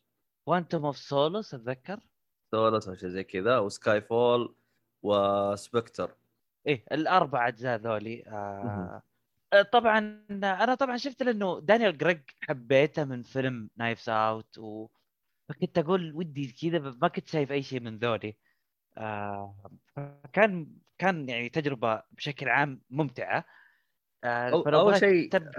أعطينا يعني أنت تابعت شيء من هذه السلسلة؟ أول مرة تبدأها؟ أول مرة كلها ما أعرف أي تفاصيل ما أعرف أي شيء. بس اللي كنت أعرف أغنية Skyfall حقت أدل الكل كان يحب بس كنت ما أسمعها لأن أقول لا ودي أشوف الفيلم عشان أقدر أسمعها. طبعا آه هذه الأربع أجزاء كلها عندها نفس النمط إنه يعطيك في البداية مشهد أكشن حلو ثم يعطيك المقدمة اللي متصممة تصميم يعني ال graphics وذي الأمور إنه يوريك جيمس بوند مثلا تمثال حوله يعني حريم ولا جيمس بوند يمسك يطلق وكذا يعني لازم يستعرضك شوي. كلها طبعا تكون آه تكون يعني كلها مرسومة يعني. فهذا النمط اللي دائما يعطيك. ماشي اكشن ثم المقدمة ثم يعطيك الفيلم. فأنا شفت على طول Casino Royale Casino Royale كان ال villain طبعا هو في البداية Casino Royale قاعد يحاول يبني لك قال يعني زي العالم البسيط على ذي الأربع أفلام. يعني عشان في أفلام جاية. بس اللي يعجبني فيه إنه ما ركز على المستقبل ركز في الوقت الحاضر. قال لا خلهم معي يعني خلينا نعطي وقت كذا نبني صح مع الشخصية ونبني الفيلن ذا اللي حق ذا الجزء. وشيء بسيط نجهز للناس هذا الصح. ما, ما لا تركز في المستقبل البعيد وتضيع الفيلم الحالي حقك لأنه كذا الناس بيتفرجوا بيقول واضح إنه يبي يبيع لنا في فيلم وخلاص. فكازينو رويال جايبين ممثل الفيلن يعني الناس كلهم يحبونه أنا أشوف إنه عادي لا بأس فيه يعني كان جيد اللي هو كان مادز اللي يطلع في فيلم أس... اللي, ف... اللي فاز بفيلم الأوسكار 2020 another round نو واللي أسم؟ نو كانتري فور اولد مان لا لا نو كانتري فور اولد مان هذا واحد آه. ثاني إيه. بالافلام آه. الجاية بس مادز كان موجود في آه هذا آه كازينو رويال اللي معروف طبعا فيلم ال international فاز اللي هو قلنا another round أو جاء في لعبة آه مثل في اللعبة ذي حقت كوجيما Death Stranding كمان وما خاب ظني هانبل المسلسل وليس الفيلم الفيلم كان آه آه Anthony Hopkins والمسلسل كان هو فاسمه هانبل بعد فهذا الممثل معروف لأن الناس خقين معاه كثير وزي كذا فهو قال عينه كل شيء إنها كذا دمع بس دمع دم. آه مي- ميزة الفكرة كازينو رويال مو معتمد شوي معتمد على الأكشن بس يعتمد لك على كازينو رويال القمار. فهنا الفكرة الحلوه استانست ليه؟ لأنه okay جاب لي أكشن زي كذا قام يعني يوريك يبني حاجة للشخصية وقام يوريك جوانب ال- ال actionية. بس بنفس الوقت ما جابك الأكشن اللي جيمس بوند بالسيارة. كذا لا انه لا المشهد اللي طول أخذ راحتهم فيه طاولة قاعدين يلعبون قمار ويحاولون يفوزون على ال villain. طبعا بعدين بيجي أكشن بس هذا الصح فأنا احترمتهم ليه؟ لأنه قلت yes أبي شيء شطح كذا جيمس بوند يشطح. ما أبي ما أبي نظام الانفجارات ومدري وش ومن ذا الكلام ولا الرخص اللي صار اللي بيأخذني الحين للجزء اللي بعده اللي هو اللي اسمه Quantum of Solace Quantum of Solace آه إحنا نعرف واحد في الجنرال حق هافانا ما أدري وشو واحد كذا كرش شنب يحب ياخذ الحريم يعني و... ومتفق على إنه يبيع له جزيرة وهذا الفيلم بيروح جزيرة لأنه فيها نفط ما أدري إيش. أكثر شيء كان عبارة عن زباله ضحك وأنا قاعد أشوف الفيلم قاعد أضحك. طبعا كل ج- فيلم جيمس بوند زي كازينو رويال لازم يجيبون إنه خلينا نقول يعني أنا أسف على الكلمة ذي بس هذا الصدق يعني لازم يجيبوا لك المزة يعني البنت اللي بيخق معها وزي كذا شوف- أنا ما أدري أنا إذا أنت تعرف المعلومة هذه أو لا لكن هذا هو ثيم جيمس بوند كله هذا هو حتى الثيم. الأجزاء القديمة أتذكر أيوه أيوه صغير أيوه لازم في واحدة هو هو هذا ثيم جيمس بوند فهمت؟ يعني خلينا نقول هي تعتبر زي الهوية للشخصية هذه أو للفيلم فهمت؟ يعني عندك أنا أنا أتكلم عن نفسي ترى تابعت كل الأجزاء. فأتذكر آه، جلست آه، آه، أستهبل على واحدة من الأجزاء. كانت في حرمة حتى ما أدري متورطين باسمها أو شيء زي كذا بس كانت بال credit مكتوب the the woman with bikini كذا اسمها كذا. لأن لانها هي من بداية الفيلم لنهايه الفيلم هي جاية بالبكيني يعني فانا جلست أقول يعني إيش الاستهبال اللي أنتم فيه؟ فهمت؟ فعلا لاحظت شيء. آه طبعا شفت الأجزاء القديمة اللي آخر اللي قبل ذولي 2000 و- اللي تكون ب 2000 وكذا اللي ناسي اسم الممثل صراحة اللي في في واحدة كان هالي بيري أتذكر بعد. آه كذا م... هي جت على كذا ممثل ترى جيمس بوند له تقريبا خمس آه ممثلين جو عنده فكذا اللي واحد. قبل كازينو رويال على طول كان هذاك كنت اللي كان حتى له لعبة بلاي ستيشن 1 كنت أحبه وشفت كم فيلم له فكان عادي عرفت البلاي ستيشن ما واحد عندي اللي هو مشكلة. تقصد آه جولدن آه إيش؟ آه، اسم الممثل إما خاب ظني ذكر. يا صالح ساعدنا اللي تتابعنا آه صح. بيتر آه، سي... سيزر. لا آه بريس آه بورسان بورسانان اللي هو الآيرش أكتر اللي مثل حتى أتذكر ما خاب ظني اللي جولدن اي صح عليك؟ وداي أيوه هذا هو. و the world is not enough بعد. رحت طلعت تأكدت. فهذا كنت تابعت له يمكن فيلم فيلمين وقتها. ف كنت أقول okay بس هذا okay أنت عارف إنه okay في لازم المزة. طبعا أحسن واحدة من ال- يعني ال- الحريم اللي صدق كتبوها صح وضبطوها صح ومشت صح كانت حقت كازينو رويال. حقت Quantum Solace كانوا طريقة تقديمهم سيئة. فجأة كذا على طول. كان يضحك أكثر ما في أكشن أحس. وفعليا لازم الشيء التبكل إنه لما الحرمة تضارب رجال لازم تضارب رجال واحد كرش باليالا قادر يتحرك ولما يضربها ما يضربها فعليا يقعد تحسه يحضنها يا أخي بطلوا ذا الشيء يا أخي. عندكم مسدسات عندكم شيء ما هو لازم تبقيس ولا شيء. أنا قاعد أضحك في الكوانتم فعليا قاعد أضحك. بس إنه الشيء زي اللي كان فيه إنه ال villain كان وراه قوته مرة إنه قد إيش وصل وضبط أموره زي كذا. بس يظل يعني من الأفلام اللي تقول مه يعني تسلك وتخلص. نجي عند اللي بعده اللي غير ال production كامل واللي خلاه quality عالي مرة في التصوير. ويوريك صدق الإبداع التصويري. يوم مسك المخرج سام مينديز سام مينديز معروف آه قبل Skyfall أنا عارف له فيلمين كتاريخ. جاي للفيلم اللي نزل السنة الماضية قبل سنتين. آه عنده فيلم معروف كان اسمه American Beauty اللي كان فيه آه كيفن سبيسي. فيلم درامي. آه ما أشوف إنه wow أشوف إنه سيء أصلا. وله فيلم ثاني اسمه Revolutionary Road آه اللي هو ليو مع ممثله عبارة عن متزوجين قصة درامية حليلة فيها حوارات مكتوبة بشكل زين ودراما قوية والنهاية يعني جريئة جدا كانت. فلما سام مندز يجي يمسك زي زي Skyfall يتعاون مع روجر ديكنز روجر ديكنز ال cinematographer هو اللي اشتغل على أكبر فيلم والأبدع فيه مرة اللي هو كان Blade Runner 2949 فلما تشوف سام ميندز وتشوف هذا ال cinematographer بيمسكون Skyfall فيلم جيمس بوند اعرف إنه بصريا بيطلع شيء خرافي. وفعلا آه، ألوان الفيلم الإضاءة حسيت أجواء كذا أجواء شوي Blade Runner حتى بس كانت جميلة جدا جدا. يعني فعليا لو اللي شافوا أول اثنين يشوف Casino Royale ثم يشوف ذا ثم يروح يشوف Skyfall بيقول دقيقة. ذولي فجأة جالهم فلوس زيادة وقدروا يحطونها بالإنتاج يعني والتصوير لأنه فعلا فعلا تعبوا. ولا ومعليش راحوا جابوا لك ادل واحدة راقية وتسوي أغاني جدا ممتازة والبومات رائعة. جابوها تسوي اغنيه كاملة theme song حق Skyfall فجودة الإنتاج اختلفت. السماء والأرض فعليا أنا لا أقدر أقوله.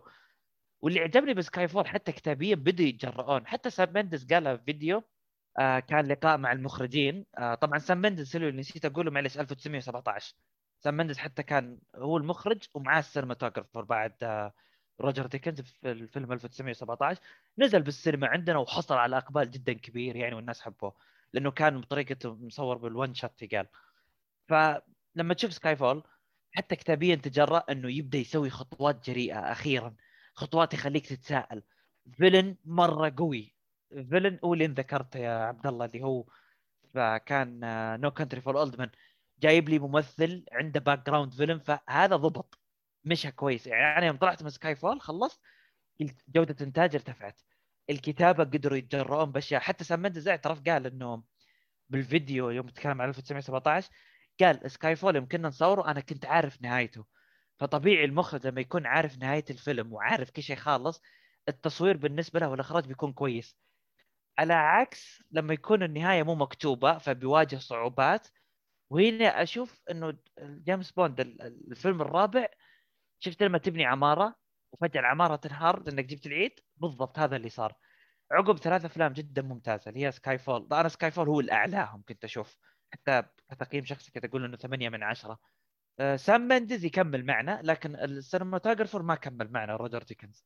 آه لو تدور حتى في الأخبار في مقالة مع يعني باحد المواقع المعروفة اللي اسمها IndieWire يقول لك ليش سام مندز استخدم ال 35 ملم العدسة العدسة اللي حتى دائما تورنتينو يقول إنه الأفلام حقتي يتمنى الناس يشوفونها ب 35 ملم أنا ما ودي أتفلسف ولا لأني أخاف أضيع فيها بس المقالة ذي وضحت لي معلومة. يقولون سام مندز كان وده يرجع يحسسك بالأفلام جيمس بوند الكلاسيك القديمة اللي هي اللي كانت كيف وش قرر يسوي؟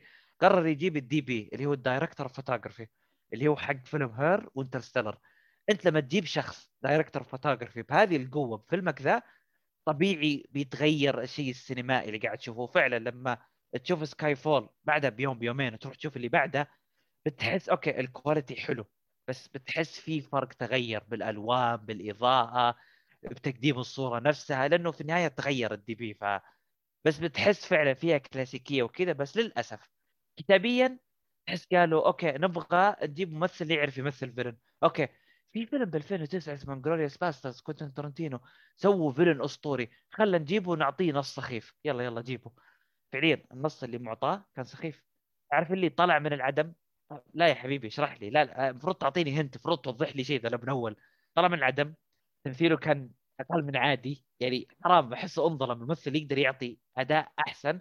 والدليل شوف النصوص اللي انكتبت له في Inglourious Basterds اللي هو حق كونتن تورنتينو. وكمان النص اللي انكتب له ك supporting character Django Unchained اللي شال الفيلم أكثر من جيمي فوكس حتى. فأنا أشوف فيلم جن... آخر فيلم هذا اللي اسمه Spectrum ولا Spectre أنا أشوف إنه فشل مرة. يعني أنا مرة يوم خلص الفيلم زعلت. بس متى حسيت إني متشوق؟ يوم رحت شفت trailer الفيلم الجديد شفت منه بس أول عشر ثواني. يوم شفتهم مترابطين تحمست قلت يا رب بس قلت حرام لأنه أشوف الجزء الأخير فشل مرة فشل ذريع كتابيا فشل فشل ذريع حتى إنه يبني. يعني كان عاده الأفلام لما تبني universe كامل تبدع يوريك الربط صح يوريك أشياء وأنت تشوف تقعد تسأل يظل عندك أسئلة وبعض الأجوبة تنتظرها بس هذا الفيلم ما في أسئلة وأجوبة على طول يلا كب كب كب كب كذا.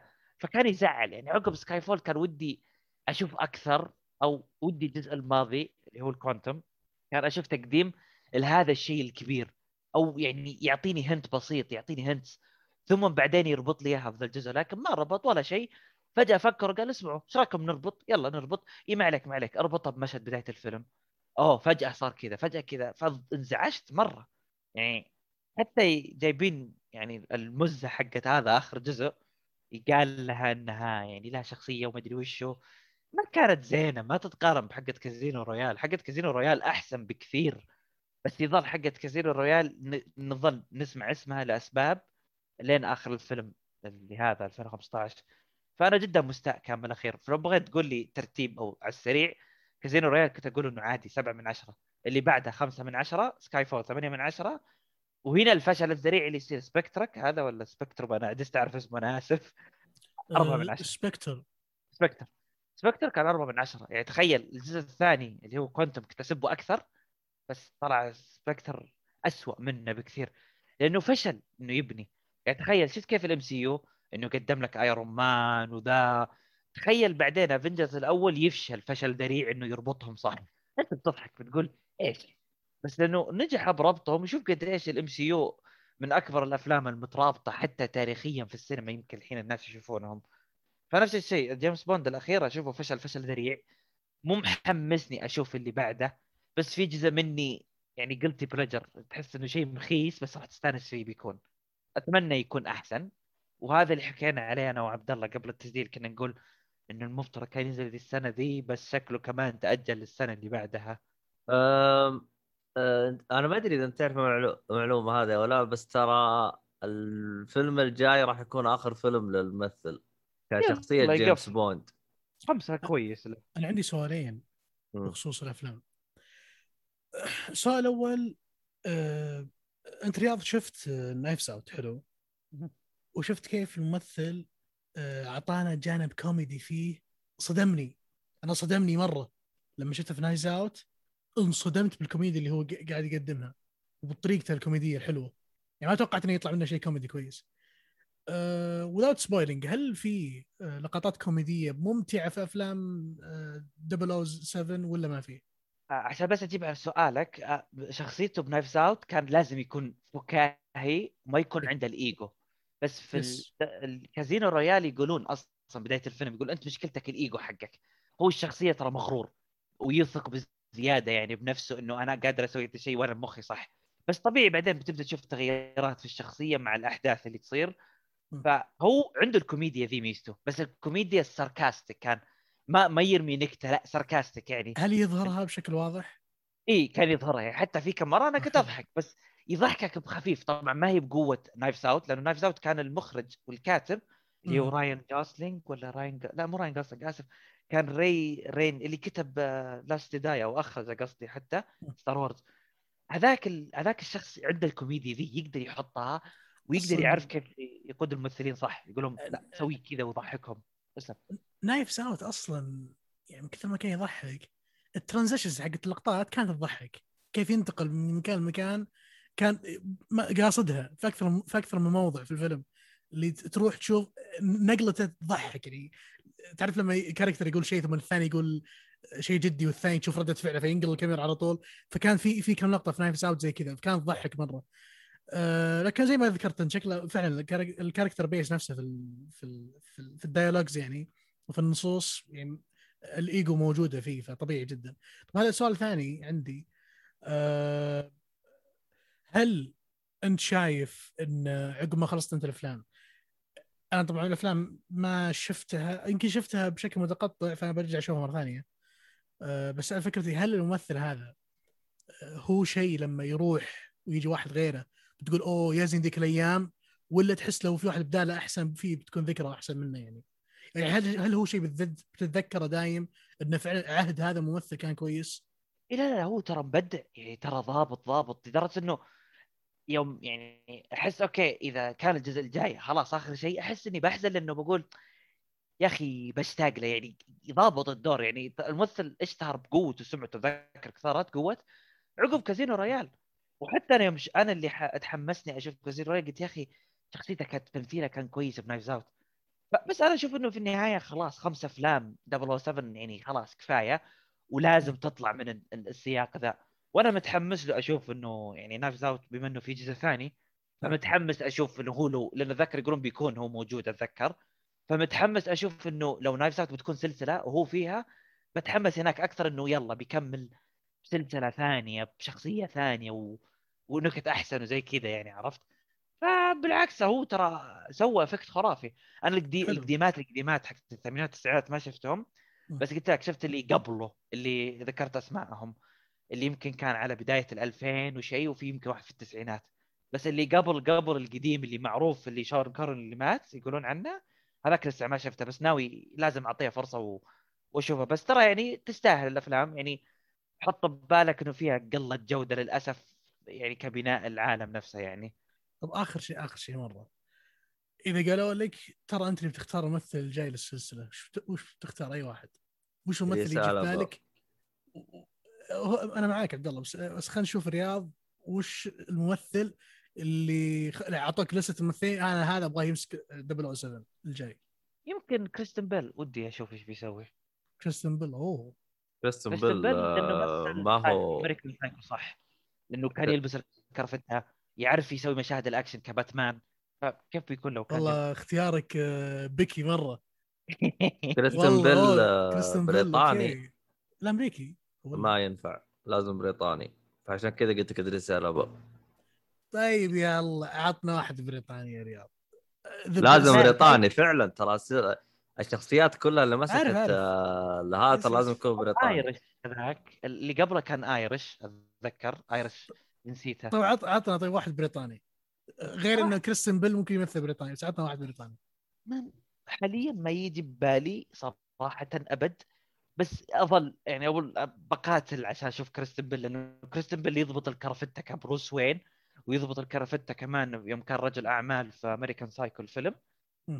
وكمان يضبط الأكشن لأنه يا أخي حواراته والنكت اللي يقولها يعني ما أتذكر كيف كان ينكت في Ford versus Ferrari كيف يرمي نكت سريعة في American Psycho في له فيلم ابدا ما توقعت ممكن يسوي لي هو كان American Hustle بس لسه ما شفته بس كذا كرش ومدري وش ودب طالع أنا انصدمت. فأنا أقول أتمنى أشوفه كجيمس بوند ودي أشوف وش إيش التضحيات اللي بيسويها ممكن وكذا. إدريس آه، أنا أسمي إدريس علبة يعني دائما أطقطق بس إدريس علبة أحس يعني حتى كمان بيقدر يضبط بعد يعني خصوصا إنه الناس يعني يقولون بالعكس يعني الوقت إنه يمكن يكسرون الروتين. مع طبيعة الممثلين حقين جيمس بوند ويجي واحد زي إدريس ألبا يعني و... وليش لا؟ أنا ممكن أحس أنا مرحب فيه صراحة أنا أشوفه كمان. على إني أكرهه من The Office بس حبيته بأفلام ثانية زي آه، في فيلم له حتى الناس كارهين إنه هو ماثيو ماكونهي كان اسمه آه، Dark Tower أوه. شوف آه هو آه أدريس ألبا كا- كانوا من ضمن المرشحين لأنه كانوا يبغوا يخلوا شخصية جيمس بوند آه، بشرة سمراء. صح إيه فكان من ضمن ال- ال- المقترحات. لكن آه، أدري هل راح يسووها أو لا. أنا إنه بس يكسرون يكسرون الروتين. أنا مو بعنصري بس آه عشان ما حد ياخذ عني concept غلط. بس ما ودي إنه يطلع عن فكرة إنه يكون رجل. آه يعني اتمنى حتى هذه حتى حتى لو هذه بنت ممكن تتغير. شوف هو- أنا أنا بس بقول لك شغلة. أنا لو في بنت تمسك ال character اتمنى اتمنى اتمنى أتمنى إنهم ياخذون الموضوع يكونون picky مرة في الاختيار. مو أي شيء.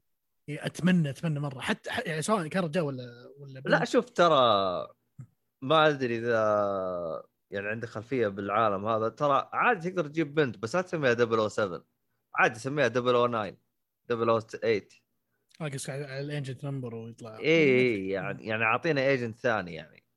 لأنه بس, بس أنا بس أنا صراحة اتمنى أتمنى يعني اللي بيمسك الجاي يا أخي يمسك ويدري إنه ترى وراه خمس أفلام. يا أخي ترى بيني وبينك حركات الممثلين الحين اللي طاحوا فيها صار يدلعون. إذا وقع عقد مطول قال أوه والله بلشت في الكاركتر ما بيمثل فهمت؟ تصير زي, زي, زي, زي ما صارت في بن أفلك وكم كم ممثل ثاني. يعني آه، فجأة كذا أوه ترى والله ما توقعت إنكم تسردون معي ست أفلام ب- بنمثلها. لا يا حبيبي استعد من بدري من الحين. ترى كنت تمسك الأفلام الجاية. فهمت علي؟ آه شو اسمه الصالحي جالس يقول هنري كافل. أوه. إيه ذكرته لأنه قدر يمثل في Man from U.N.C.L.E. اللي من أخراج جاي ريتشي هناك ترى كان جيمس بوند فعليا والله Man from U.N.C.L.E. صالحي. الله جاب كويس. والله. اختيار كويس. لأنه ترى فعلا يعني أنا زمان كنت أشوفه بس كسوبرمان بس يوم شفته Man from U.N.C.L.E. ولا باخراج جاي ريتشي اللي يعطيك ادرينالين في جسمك والكاميرا كيف تتحرك وذا ونكت وكوميديا ضبطوا ضبطة مرعبة مرعبة. ولا وكان يلبس suit ويقال يلحق بنات. فراحت عن بالي صراحة. ممتاز. ليش لا؟ آه هنري كافل الظاهر إذا غلطان كان من ضمن اللي مرشحين يمسك ال- الشخصية. الظاهر هم رشحوه ترى إنه يكون بعده. عموما آه أنا أبغاهم يفاجئوني الصراحة بشخصية أنبسط معاها. آه كشخص زي يتابع سلسلة جيمس بوند كاملة لأن أنا سويت ماراثون. تكلمت عن حلقة سابقة. آه الكل يعرف إنه يعني آخر جيمس بوند مرة عجبني اللي هو آخر واحد هذا. آه كتمثيل هذا مره مبسوط عليه يعني مقارنة بالقدامى. آه فيعني عموما خلينا نريح كذا شويتين من جيمس بوند والسلسلة. فأتمنى انه خليني بس أتأكد الفيلم الجاي اللي هو راح يكون No Time to Die خلنا أتأكد لكم آخر آه، متى راح يصير. نو متى راح ينزل الفيلم؟ لأن أتذكر تأجل 2022 يلا كويس تأجل عشان أعطيه فرصة أشوف كله نشوف السلسلة كاملة. إيه تقدر تلحق على قولتهم. آه لا صار. أنا أنا أنا بسمي السنة ذي سنة اللي إلحق راح أشوف السينما فهمت؟ عندي كم عمل لا تعرف اللي أبغى أشوفه عشان ألحق عليه في السينما. زي ما قاعد يصير الحين مع جنتما و... وديمون سلاير والشغلات هذه. راح يصير أكت... آه اخر اخر آخر موعد. حددوه في الوقت الحالي أكتوبر آه 2021 آه لكن عندي إحساس راح يتأجل مرة ثانية ما أدري. طبعا أكتوبر راح يكون في مدارس يعني والله ما أدري. يا ساتر. أي المدارس راح ترجع في أغسطس والله ما أدري إيش. عموما عموما فيعني للي يبغى يتابع جيمس بوند قبل لا يجي الفيلم الأخير حقه يقدر يدخل بالسلسله الآن.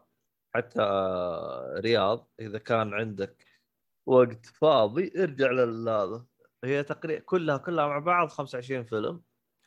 أنت تابعت خمسة بقى لك 20 فيلم. ما عليك يبينا هذه رحلة طويلة بتكون بس ليش لا؟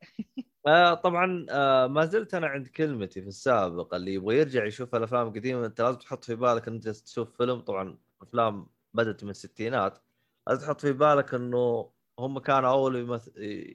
يصورون فيلم حسب اللي موجود عندهم فراح. تضطر إنك تتجاوز أشياء أشياء مرة كثير ف يعني طيب خلينا نروح إلى شطحة واستغربت يعني الفيلم هذا موجود في قائمة الحلقة اليوم اللي هو Shutter Island okay Shutter Island أنا حرفيا الفيلم basically لقيت على رياض رياض أبغى فيلم يعطي يعطيني experience أبغى فيلم أدخل وأطلع وأنا ملخم كذا قول لي experience كويسة. وأعطاني Shutter Island وأنا أدري يمكن رياض آه، عنده emotional connection مع الفيلم هذا ل level آخر تماما. فقلت تش- يعني I should watch صراحة لازم أشوف الفيلم. يعني واضح الفيلم هذا يقدم شيء عظيم. وهذا اللي حصل بالضبط. الفيلم قدم شيء جدا كويس. طبعا آه، الفيلم آه، آه، 2010 آه، نزل الفيلم. و basically قصة الفيلم هي عبارة عن جندي من الحرب العالمية الثانية رجع أمريكا وبدأ يعمل ك US Marshal اسمه تيدي دان- دانييلز. آه، وصل لل Shutter Island يبحث آه، آه، في قضية اختفاء مريض في مستشفى من مستشفى خلينا نقول ال- اللي هو الاسايلم أو اللي هو آه، مصحة نفسية أو آه، لكن هي تعتبر هاي ليفل لانها محطوطة في جزيرة فمنعزلين عن العالم تقريبا. فهو وصل هناك يبحث عن القضية يبحث عن المريض اللي اختفت فجأة آه، بطريقة أو أخرى مع بحثه في القضية وبحثه عن المجرم اللي هربت.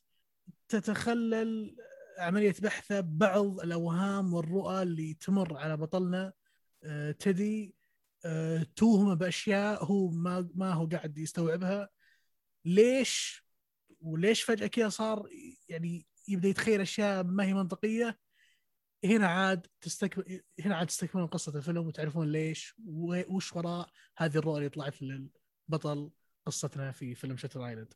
طبعا الفيلم من بطولة آه، لي- ليوناردو دي كابريو ومارك رافلو وبن كينغزلي و...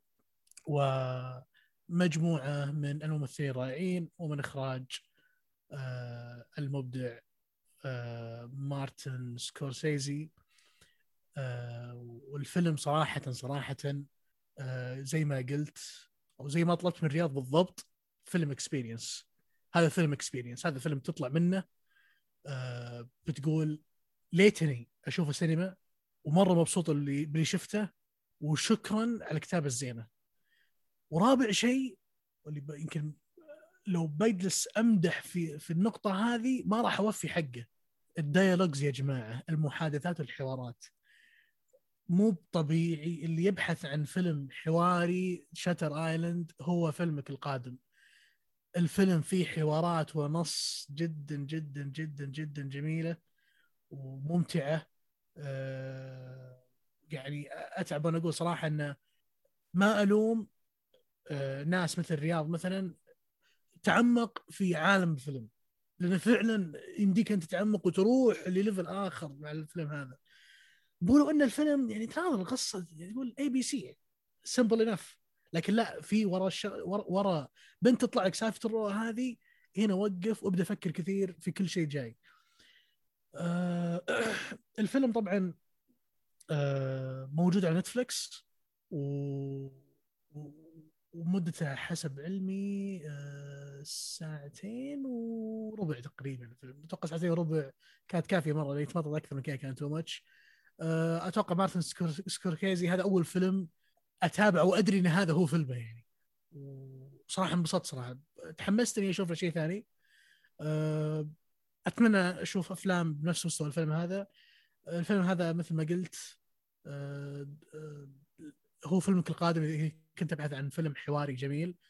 أه، أخيرا وليس اخرا ليون- ليوناردو دي كابريو يا أخي ميزة هذا الممثل فيه ميزة. يا أخي أحسه إذا دخل مع مخرج كذا جو يدخلوا كلهم مع بعض هو المخرج يدخلوا جو مع بعض. يا أخي أحس أي شيء يبغاه المخرج يقول سم أمر نسوي لك. يعني صارت هنا وصارت مع كوينتن تارانتينو وكم مخرج آخر. لاحظت فعلا ليوناردو دي كابريو ممثل إذا المخرج أعطاه حقه حلو هو بيعطيه حقه في التمثيل مو مقصر معك. وهذا اللي صار بالفيلم. أه ما أتوقع عندي شيء اتكلم فيه أكثر من كذا. ويعطيك العافية رياض على الاقتراح الجميل. وأنصح المتابعين فيه- والمستمعين إنهم يشوفونه. اسلم. فيه نقطة أنا صرحت فيها سابقا.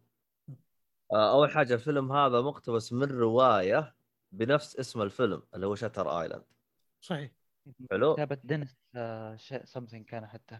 آه هذا هو الفيلم الوحيد اللي تابعته وقريت روايته. مثلك حتى أنا كمان.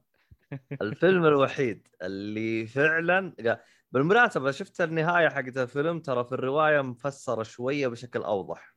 وبالرواية nice. طريقة وحتى كان ما في الاقتباس المعروف اللي اللي شافوا الفيلم يعرفونه ما كانت موجودة بالرواية. اللي حطاها بس بال screenplay بس بالفيلم قصدي بالكتاب ما كانت موجودة. وفي فروقات ترى حتى كانت حلوة. إنه مثلا اللي كانوا مثلا يعني مثلا مثلا نفترض نفترض تيد وتيدي و... أو خلينا نقول لي ومارك رفل ناموا بغرفة كان معهم اثنين يشتغلون بالمستشفى. ترى في بالكتاب مشهد كامل إنه كانوا يلعبون بوكر ويسبسبون بعض ويطقطقون وما أدري وش. بال... في حتى مشهد إنه أشياء مرة يعني تعتبر فوق ال 18 حتى انصدمت موجودة بالكتاب. حتى لخصت أول عشر شابترات منه كنت أشوف إيش الفروقات الزيادة. ماضي تيدي وهو صغير إنك تشوف أبوه ترى موجود بالكتاب وما هو موجود بالفيلم حتى بعد. أنا نوعا ما خذيته دراسة الموضوع أكثر من إنه كذا إني مرة بيك فان للفيلم يعني. أنا للأمانة للأمانة أنا أقدس أي فيلم يحترم يحترم حواراته. يعني إذا أنت فيلم حواري ومحترم حواراتك والنص اللي معك وقدمته بطريقة زينة يا أخي أنا اشوفه ناجح فيلم يعني حتى لو جاب العيد في شيء ثاني. يا أخي الحوارات فعلا فعلا تدرس. آه أبدع عمو... أبدع مرة. آه عموما الشباب سؤال الصالح يقول لك ينفع للمشاهده العائلية؟ أنا ما أدري ما أتذكر فيلم مرة كثير. صراحة لا أحس صعبه لأنه في أشياء تعتبر هو في النهاية مستشفى مجانين ففي لقطات ممكن يعني تخلي الناس يتقززون شوي كوجيه آه مشاهد فيه؟ السوداوية. لا ما اتذكر ما اتذكر في مش... لا ما اتذكر في مشاهده مخلة بس يمكن حضن وقبلة يعني يكون بس مشاهد مخلة آه مخلة ما يعني لعب. كيرم بدون بودرة. لا حلق لا يقطع إبليسك يا رجال. آه عموما ما أدري الصالح ثواني خلنا نفتح الجوال. هو سوداوي مرة أحس صعب حتى تشوفه مع العيلة يعني حتى والعيلة شافوه بيقولون إيش ذا لا لا أنا أنا ال- ال- الفيلم الفيلم أنا أشوف إنه موجه لل adults أو آه، ناس أكبر من 17 سنة و 18 ناس قاعدة تستوعب وش قاعد يصير. ما ينفع. أنا أشوف فيلم موجه يعني الفئة الفئة واعية أكثر. تستوعب وش قاعد يصير في في حوارات صعبة بين كبار. أنا هذا اللي هذا هذا اللي أنا استشفيته لما شفت الفيلم. ما ينفع العائلة ابدا. هو ما ينفع بس أنا أحسه كأنه هو يبغى يتابع عشان الصا والله ما أدري عنه والله الصراحة. آه بس آه شو اسمه؟ لا والله في في شوية آه شو اسمه تعري. عموما ما علينا. إي صح. كمان في بالسجن كان تعري كمان أتذكر. آه أنا دخلت IMDb في طبعا أي واحد يبغى يشوف فيلم يعني ادخل على IMDb انزل الفيلم تحت راح تلقى فيه كاتبين لك كذا شرح. آه راح تلقى اللي هي ال nudity واللي هو التعري والأشياء هذه. حيعطيك none mild آه في الثانية هذيك الحمراء extreme ما أدري شو اسمها. آه، وميزته ملون يعني ما يحتاج تعرف إنجليزي. أحمر أبعد برتقالي ها هو ها أخضر امورك إن شاء الله تمام. ف لكن إحنا زي ما قلنا هو يعني لعب كيرم بدون بودره اي بالضبط. أه ف. شو اسمه هذا أه زي ما. زي ما وضحت يعني اللي يبغى تفاصيل شوية عن النهاية أنصح يقرأ الرواية. ما ما ما ما حتندم حتى الرواية ترى سعرها مرة رخيص ترى. موجودة بالعربي عند جرير. قيمتها الظاهر 30 ريال الظاهر. يا بلاش. اي بالعربي صح. أنا قريت العربي العربي أنا قريت العربي والإنجليزي بس بالعربي ما كملتها. الحوارات بالإنجليزي احسها كانت أحسن بالعربي احس بعض الترجمات كانت تتخلل فيها بعض المشاكل. النسخة الإنجليزية شريتها على ال iPad من iTunes تلقى عليها صورة رهيبة مرة حتى غلافة حلوة ك- كذا لونها أزرق والقارب يحارب أمواج. والروايه العربية ماخذين غلاف الفيلم. أعطاني واحد من الشباب هديه قال عشان يلا تكمل ال collection حقك. شفت الفيلم قريت إنجليزي يلا اقرأ العربي. والله ما أدري أنا تراني خلصتها بالعربي ومرة انبسطت فيها. صح إني قريتها على فترات مرة طويلة يعني أنا خلصتها ترى فترة مرة مرة طويلة. آه لكن آه، انبسطت يعني فيها. كنت يعني أقرأ وأتذكر الفيلم أقرأ فعلا اتفق. زيك زيك بالضبط. مم. فيعني الفيلم فيلم جدا جميل صراحة مرة رهيب. آه مارك رفلو بالنسبة لي أنا ترى مرة أبدع بالفيلم هذا. مارك رفلو بالمناسبة يعني من الممثلين اللي مرة أحبهم يعني مقربين إلى قلبي. بس على أساس إنه يعني ودي اعطي كذا سلوجن أنهي فيه النقاش عن شاتر آيلاند. هذا فيلم يعلمك ليش السينما حلوة. ليش عالم السينما حلو. عشان كذا تابعوه. حتى أكبر دليل إنه عجب يعني عبد الرحمن يوم شافه قاعد اسولف قال لي عندك أفلام زي كذا قلت أوه في أحسن مو أحسن بس في زي وكذا بس مكتوبة بطريقة يعني ادسم وثقيلة مرة. يعني أنت شايف التناقض اللي قاعد يمر فيه؟ يعني قبل شوي قاعدين نتكلم عن سلسله فاست وكيف إنه في سوء حرفيا في, في, في, في كل شيء في الفيلم. ونجي هنا نشوف تجربة سينمائية. في هذا فيلم والله يعني أنا احسد كل واحد كان زيي قبل أشوفه. يعني ما يدري إيش سالفته والحين دخل أوف أنا أهني اللي بيشوفه أول مرة. آه يعني اللي ما تابع Shutter Island الصراحة ردي له شيء واحد وش تنتظر؟ بالضبط. بالضبط. طيب آه... خلينا نروح إلى آخر فيلم عندنا في هذه الحلقة وحنقفل إن شاء الله اللي هو Wrath of Man Okay Wrath of Man طيب أنا والله برضو هذا من الأفلام اللي لما تجي قبل الفيلم في السينما وتشوف الدعايات اللي تجيك مره تعيد دعايته؟ وناظر جيسون ستيثم رجع بفيلم أكشن. Okay والله بشيلة. Let's see وش عند جيسون ستيثم هالمرة.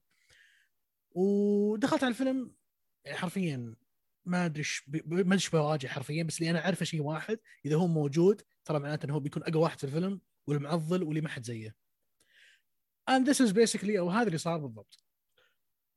Wrath of Man اللي هو فيلم uh, أو فيلم نزل أو إصدار هالسنة 2021 uh, من بطولة جيسون ستاثم هولت هولت ماكلان أتوقع شيء زي كذا اسمه شخصيه بولت. وفي عندك إيدي مارسن وعندك جوش جوش هارتنت سكوت اسود إيستوود وجيفري دونوفن أه cast أه بعضهم معروفين بعضهم لا. أه ومن إخراج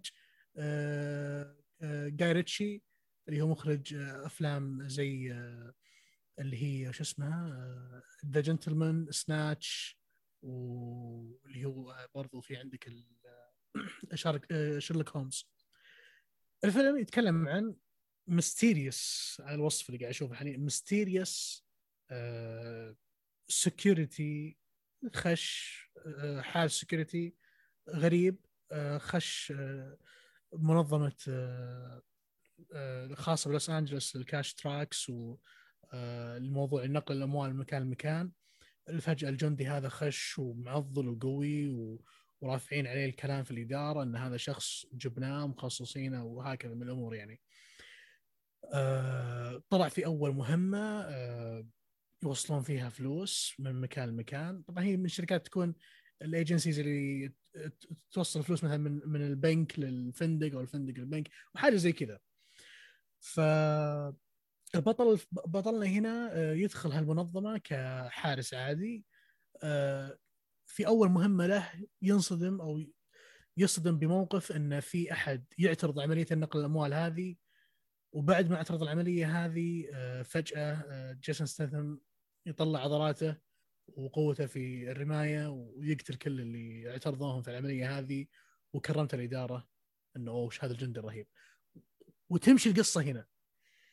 هذا ليش جاء هنا؟ وليش هو معضل بزيادة؟ وليش فجأة الإدارة حابينه؟ وكيف أصلا من الأساس جاء؟ ليش هو فجأة كذا out of يعني out of nowhere من حيث لا نعلم جاء ودخل المنظمة هذه اللي تنقل اموال وكذا اللي هي شركة نقل أموال وبالقوة هذه وليش هالشخص يعني تترك آه، أماكن كان ممكن يصير يصير exposure عالي مرة ويكون أقوى من كذا للاماكن زي هذه خصوصا الحراس ما يكونون بقوة شرطي أو بقوة جندي. آه هذه تقريبا قصة الفيلم بشكل بسيط. الفيلم فيه كمية اكشن آه مو طبيعيه من جيسون ستاثم أبدع فيها مرة. آه، وف- وف- هذه أفلامه هذه أفلام جيسون ستاثام اللي اللي اللي يدخل في mood ال action. وخلاص ما تتعب ما تتعب ما تدري إنك ما تتعب إنك تفكر ترى شلون بيطلع الأكشن كويس ولا كويس. ترى كويس. هو اللي ماسكه هو بيطلع شيء كويس. آه طبعا آه زي ما قلت أنا أشوفه فيلم اكشن قصصيا حاول يسوي المخرج ال twist ال twist اللي زي اللي جتها في جنتلمان ويحاول يحاول يحاول إنه يحطها بنفس اسلوب السرد. حليله مشت معه في الفيلم هذا. ولو إنه يعني محتوى الفيلم ما يستاهل إنه يتعب إنه يسوي twist خرافي. آه، أنا صراحة شدني بالفيلم واحد. يوم شفته يعني الممثل ذا أنا أنا حابه صراحة.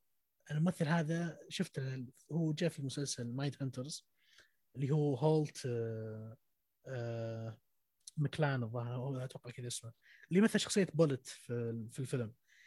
الممثل هذا أنا كل ما شفته أنبسط. يا أخي اداءه كويس و- و- واداءه كويس وثابت ولا غلطة. حتى في Mindhunter في المسلسل كان ممتاز أداءه ك side character أو main character هنا جاي ك side character أو a side character في الفيلم. فهنا جاي يا أخي تمثيله ممتاز مرة ممتاز. وصدق أعطى جيسون ستاثم آه، آه، جرعة تمثيل جميلة مع بعض اثنينهم. آه، وش بعد؟ الفيلم آه، موجود سينما ما أدري إذا هو راح الحين ولا ما راح ما تنزل الحلقة. و- وش اسمه ال- النقطة اللي كنت بقولها اللي هي مدة الفيلم اللي هي ساعتين بالضبط حرفيا. أنصح فيه آه، أنصح فيه إذا تدور فيلم لجيسون ستاثم أكشن من سلسلة الافلام المعروفة أو آه، أو مسيرته في الأفلام المعروفة كأفلام أكشن. واحد معضل قوي مرة وأقوى واحد في العالم. راح شوف الفيلم لا بيجوز لك. آه، وعودة لجيسون أصلا عودته بالفيلم هذا كانت جميلة صراحة. وأحس من زمان فقدنا التطعيمات هذه. انه في Fast كان موجود بس تعرف اللي في Fast ما ما تشبعت يعني. أنا في في فيلم Fast أنا ما شفته الحين اللي هو الحالة مع The Rock للحين ما شفت الفيلم هذا بس ناوي أشوفه. لأن في أفلام Fast ما تشبعت ما حسيت إني شفته كثير. حتى في أفلام The Expendables ما احس إني تشبعت من الممثل هذا. لا لا يكون قصدك الفيلم حق Fast اللي spin-off آه شيء جانبي.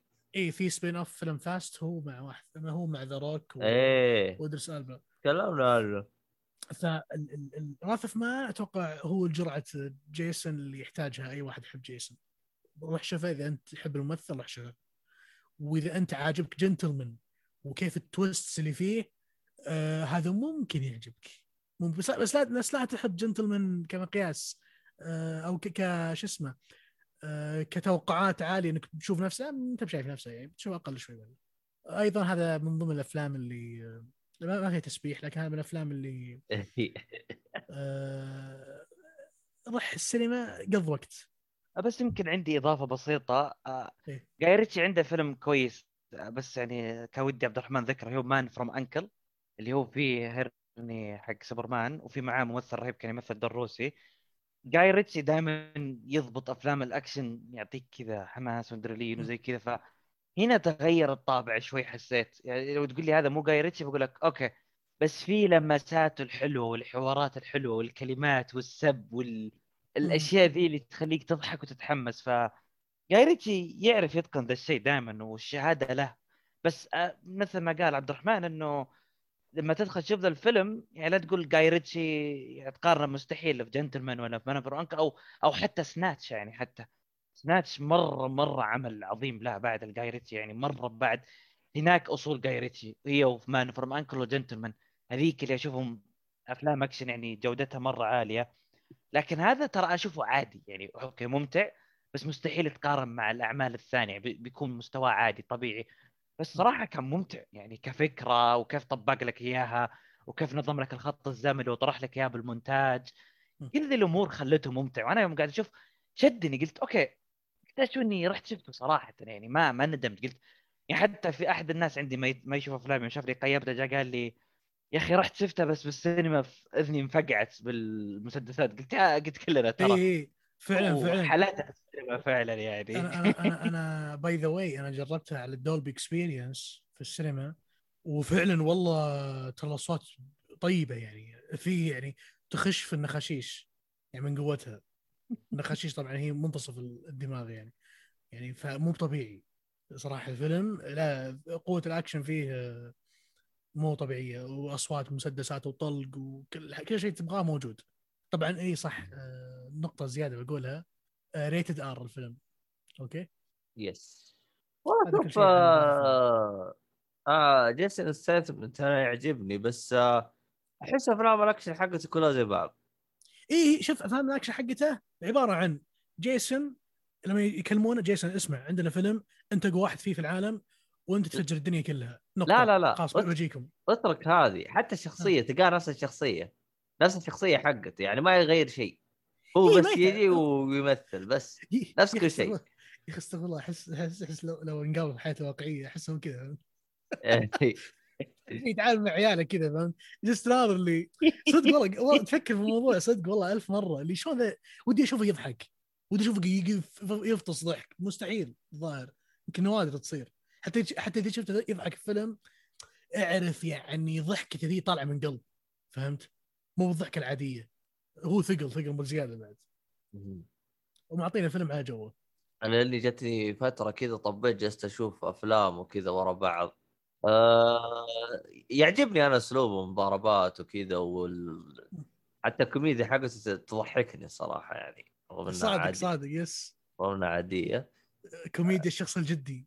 إيه بس يوم تغير من فيلم لفيلم تحسك انت جالس تتابع نفس الفيلم بس الشخصيات مختلفة اللي حوله بس أو. لا. عاد تصدق والله العظيم اني, هذا اللي يخليني لما أشوف فيلم زي كذا إنه هو ماسكه أقول يا أخي من زمان عنه خلينا نروح نشوف الفيلم. فهمت؟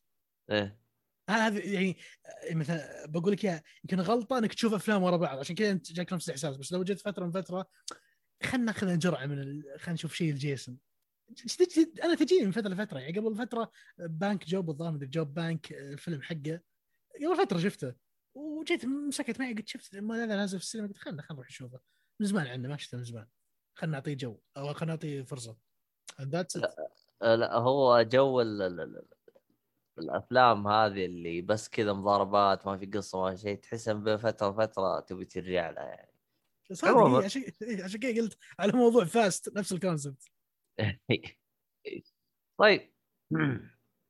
الحين إحنا خلاص وصلنا إلى المرحلة الأخيرة نبغى نرقد ورياض يبغى يروح يأكل مسكين. انقصدت أجل أنا بالصوت شكلي أجل. ما ما أدري هو جالس يطلب بيطلب الحين نشوف الموقع يبي أصلا سبحان الله أنت قلت خلاص والرياض بروح ياكل فجأة ترى طلبي تحت ما شاء الله على طول. والله؟ أما أنت جا- جالس إيه. تغش جالس تطلب وأنت بالحلقة جالس تسجل. إي والله. الجوع كافر الجوع كافر. طيب حلو الكلام. الحين لا شو اسمه هذا؟ آه، بما ان خلص الحلقة الأشخاص اللي يبغوا رياض وين حصلوا؟ وين أصلا وين وين صرت تكتب أنت؟ ولا خلاص كذا صرت مالك؟ أنا على تويتر تويتر وأكثر شيء تويتر وسناب وإنستغرام بس تويتر هو اللي تشوف فيه آرائي بالأفلام. آه. حلو حلو حلو. طيب آه راح يكون حساب رياض في الوصف اللي بيروح يتابعه بيروح يقرقر معاه كثير بالأفلام والأشياء هذه. آه يعطيك العافية حبيبي رياض. وشكرا. بالعكس شكرا على الاستضافة والله. وبالعكس أسعدني مرة والله آه ونحن أسعد هو أهم شيء إنك أنت شايف أفلام جيمس بوند كذا إحنا رضينا عنك ولا أنت لو جايب أفلام خاصة كان طردناك لا إن شاء الله بإذن إذا في أشياء كذا بإذن ما عندي مشكلة يعني يسعدنا نجي ونتكلم معكم بالعكس كان مرة حوار ممتع صراحة. آه ونشكر ال- المتابعين الشطار صالح صالح متابعنا مرة مبسوط. ولا يتفاعل كمان وأنا ساحب عليه وفيلم في الخط بلاه ضعيف خله ينبسط. فهمت والله. آه ليه هو ماشي بالخط؟ يعني سليناه بالخط. والله بس, إني- بس أذكر آخر رسالة بيني وبيننا توصل السلامه يعني. لا لا شكله وصل وجس ترى هو تابع الحلقة كاملة ما شاء الله عليه. بالبث. ترى هو ظاهر يقول يقول هو في الخط بس تعرف هم لما يدخلون الرينج حق دولتهم إيه. التليبورت يشتغل على طول يوصلون بسرعة. إيه. هذه هم وضعهم مزري هم ذينا حقين القنفذ هذين المهم آه في الختام آه صح اللي هو التخفيض حق خيط الطباعة اللي بيستخدمه آه موجود تلقاه بالوصف 5% ف الحسابات آه، تقييم الأيتونز آه، المشاركات النشر كل الأشياء هذه تساعد البودكاست. اللي تقدر تسويه نكون من الشاكرين لك. باقي أشياء؟ ولا خلاص نقفل كذا. ذاتس ات خلاص هذا كل حاجة ويعطيكم العافية ومع السلامة. السلام عليكم.